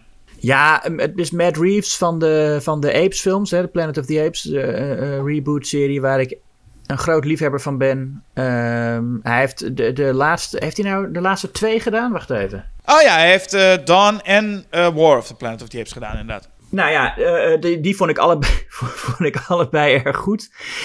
Um, en Robert Pattinson natuurlijk als The Batman is ook leuk. Ik, ja, ik hoop alleen dat, dat, het, niet, dat het niet te veel um, die, die, die, die dark and gritty kant op gaat. Waar we toch hopelijk wel een beetje. Iedereen toch wel hopelijk een beetje zat is. Ik hoop dat het weer een beetje ook die, die comic book esthetiek gaat krijgen. Die Christopher Nolan er zo uitgeslagen heeft. En die Zack Snyder wel weer terugbracht, maar op een andere manier dan. Uh, nou, ik hoop eigenlijk dat het een beetje tussen, tussen Joel Schumacher en Christopher Nolan inlandt, die Batman. Oh ja, ik hoop gewoon vooral, en dat is misschien de lat laag leggen, maar ik hoop eigenlijk vooral gewoon dat het een standalone film is. Uh, dus dat niet aan het einde we 30 uh, scènes nog krijgen met. Uh, oh, die krijgt nog een eigen film. En oh, daar is ineens uh, Joaquin Phoenix, want die hoorde er eigenlijk ook in dit universum. en, oh, daar is die en daar is die. Gewoon een standalone film met niks, gewoon een begin, midden en een eind en dan klaar. Ja, dat lijkt me, dat lijkt me een beetje uh, uh, te veel hopen, maar... Ja, eens, maar ja goed, je moet, je moet iets. Ja. Um, in, in diezelfde trant krijg je namelijk ook in november nog een keer Batman. Maar dan krijgen we Michael Keaton terug als Batman. In deze hele multiverse trend. Woe! Waar de Flash met Michael Keaton en Ben Affleck samen als Batman in een film zitten. Nou, je, je, je kunt je geluk niet op, toch? Ja, ik, waar houdt dit op, jongens? Nou ja, misschien nog een, een digitaal uh, tot leven gebrachte Adam West. Nou, sowieso. Spider-Man uh, in de Spider-Verse komt ook weer in volgend jaar. Across the Spider-Verse. Nou ja, dat was op zich wel een hele vermakelijke eerste film. Ja, Into the Spider-Verse vond ik wel misschien wel de beste superheldenfilm ooit gemaakt. Nou ja, ja, zeker een kanshebber voor die titel. Ja, nee, dat snap ik wel. Ik snap het wel. Uh, dat die, uh, dus dat is in principe ook een, uh, een interessante. En oh ja, die multiverse gaat ook verder met Doctor Strange, dat volgend jaar uitkomt. Doctor Strange in the Multiverse of Madness. En het enige waarom ik daar misschien nog wel inter interessant vind, is ze zeggen dat het iets meer richting horror gaat. Ik, ik, twijfel of dat echt heel sterk zo zal zijn, maar... En Sam Raimi is, is, is dan weer is, is aan boord. Uh, Scott Derrickson die stopte bij die film en komt eigenlijk toevallig in het, een maand later zelf met The Black Phone, een horrorfilm. Ja. Eh, maar ja, ik, ik, ik, kan me, ik ben wel benieuwd wat Sam Raimi in, eh, met Doctor Strange gaat doen, toch? Ja, Sam Raimi, die toch aan, aan, de, aan de wieg stond ook van de superheldengolf. En met zijn Spider-Man film natuurlijk een beetje de blauwdruk heeft geleverd voor dat hele eh, MCU. Ehm, ik, ben, ik, ik, ik ben wel benieuwd wat hij ermee maakt. Ik vind toch ook eh, het feit dat Scott Derrickson opgestapt is. Die dus de eerste Doctor Strange had gemaakt. En, en daarvoor natuurlijk Sinister. En eh, zijn debuut was geloof ik Hellraiser Inferno. Eh, dat hij daar weg is gegaan, vind ik een slecht teken als het gaat om dit, dat dit echt een horrorfilm zou worden. Ja, meestal als een regisseur dan opstapt, dat, dan verwacht je dat men niet... eh, dat dat meestal is van, oh, ik wilde er meer horror van maken. Ik kan me niet voorstellen dat Scott Derrickson opstapt omdat Marvel zei... Ah, we willen iets gewaagder, iets meer horror. Ja, nee, En dat precies. Scott Derrickson zei, nee, daar heb ik geen zin in. Ik ga nu een eigen horrorfilm maken. Ja, als we het dan over leuke regisseurs hebben... Ja, Taika Waititi met Thor Love and Thunder. Ik blijf wel benieuwd, omdat Ragnarok zo leuk was. Dat ik denk, nou ja... eh, Ja. Ik, ik hoop dat het iets weer wat vernieuwends is. Ik hoop niet dat het weer hetzelfde is. Want na de eerste twee Thor-films was het heel fijn om die Taika Waititi invloeden te hebben. Nou hoop ik wel een klein beetje dat dat niet gewoon nu op herhaling gaat... maar dat hij toch weer iets nieuws heeft. En om het Marvel-rondje nog even eh, af te maken. Ergens wel benieuwd. Ik vond de eerste Black Panther geen goede film. Ik ben wel ergens nieuwsgierig hoe ze met Black Panther 2 eh, iets gaan doen. Nu een, de hoofdrolspeler is overleden, Chadwick Boseman. Ja, ik vond de eerste Black Panther wel goed. Ehm, en ik ben niet zo benieuwd naar de tweede. Maar genoeg van dat soort films dus ook weer eh, in 2022. Dat is volgens mij de conclusie. Want we hebben dan Black Adam en Aquaman 2 nog niet eens benoemd. Hoewel ik weet dat jij dus gaat zeggen dat Aquaman je dat heel erg leuk vond. en daar, Nou ja. daar zijn de meningen ook nog wel eens onder, over verdeeld. Ja, Aquaman vond ik ook een van de leukere superheldenfilms van de laatste jaren. Omdat het echt, oh ja, omdat het ook gewoon echt een op, oprechte, malle superheldenfilm is. Met, ja, gewoon echt ouderwets. En daar had ik toch wel eh, eh, behoefte aan, blijkbaar. Dus Aquaman 2, ja, nee, maar goed, het zijn, het zijn natuurlijk geen films die een grote kans maken om in een jaarlijstje te belanden of zo, helemaal niet.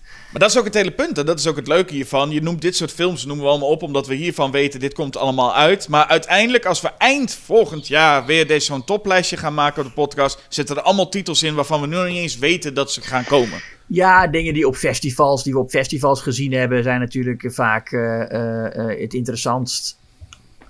En eh, nou ja, da daar hoop ik dus wel op dat de festivals het aankomende jaar. Nou ja, goed, dat zei ik vorig jaar natuurlijk ook al. dat, die, dat die filmfestivals weer een beetje tot leven gaan komen. Dat is toch wel erg leuk. Er zijn genoeg dingen die we graag weer terugzien. Nou, een van de di- dingen die we graag weer terugzien zijn eh, de luisteraars natuurlijk. Hè? Ja, die zien we ook graag weer terug in het nieuwe jaar. Ik zou alleen nog willen zeggen, luisteraar, ehm, bedankt voor het luisteren. En heb vooral een goede, goede jaarwisseling. Ja, ik, ik hoop vooral ook het nummer. Het is al weliswaar. eh, eh, nou ja, nee, het zijn nog wel gewoon de kerstdagen, vind ik. Mensen zeggen dat, dat de kerstdagen eh, op 27 november of 27 december voorbij zijn. Maar dat vind ik niet. De kerstdagen gaan voor mij tot 6 januari, drie koningen. Dan pas mag je ook de kerstboom eventueel de deur uitdoen. En Eventueel, je mag hem ook laten staan, vind je wel. Je mag hem heel januari laten staan. Ja, nee, ik vind mensen die hem, die hem zo snel mogelijk na kerst of na oud en nieuw de deur uitdoen, dat is niet eh, de spirit. Je laat hem sowieso staan tot drie koningen. Want dan mag je ook pas de drie koningen in het kerststalletje zetten op 6 januari. En ja, dan mag je hem nog wel eh, in de winter nog even laten staan hoor. Ja, natuurlijk, kerst is, ja, dat vind ik wel. Moet een beetje langzaam uit die kerst eh, glijden. En na februari, dan, dan mag je wel, dan, dan, ja, dan, dan eh, eh, kun je hem nog misschien een weekje laten staan of zo, eerste week van februari. En dan mag hij wel echt weg. Goed, glijd maar dus nee, lekker... de reden dat ik hierover begin is namelijk dat ik wou zeggen, eh, de kerstspecial van Schok het Nieuws ligt nog in de winkel. En dat je die dan moet kopen. Dat is de re- de reden dat ik over kerst begon. Precies, dus glij met, met schokkend nieuws de kerst langzaam uit. Ja. En dan is het rond de tijd dat je kerstboom weg is, al wat tijd voor een nieuw nummer van, van Schokkend Nieuws. Want ja, die Ja. komt eh, zes keer per jaar op, het, op, je, op de mat, hè? Zo is het maar net.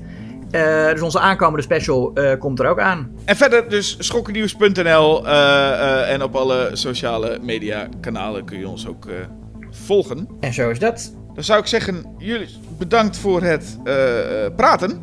Ja, jij ook bedankt voor het praten en voor het luisteren. Yes, en een goed uiteinde. En ik zou zeggen tot volgend jaar. Tot volgend jaar, Jasper. En luisteraar.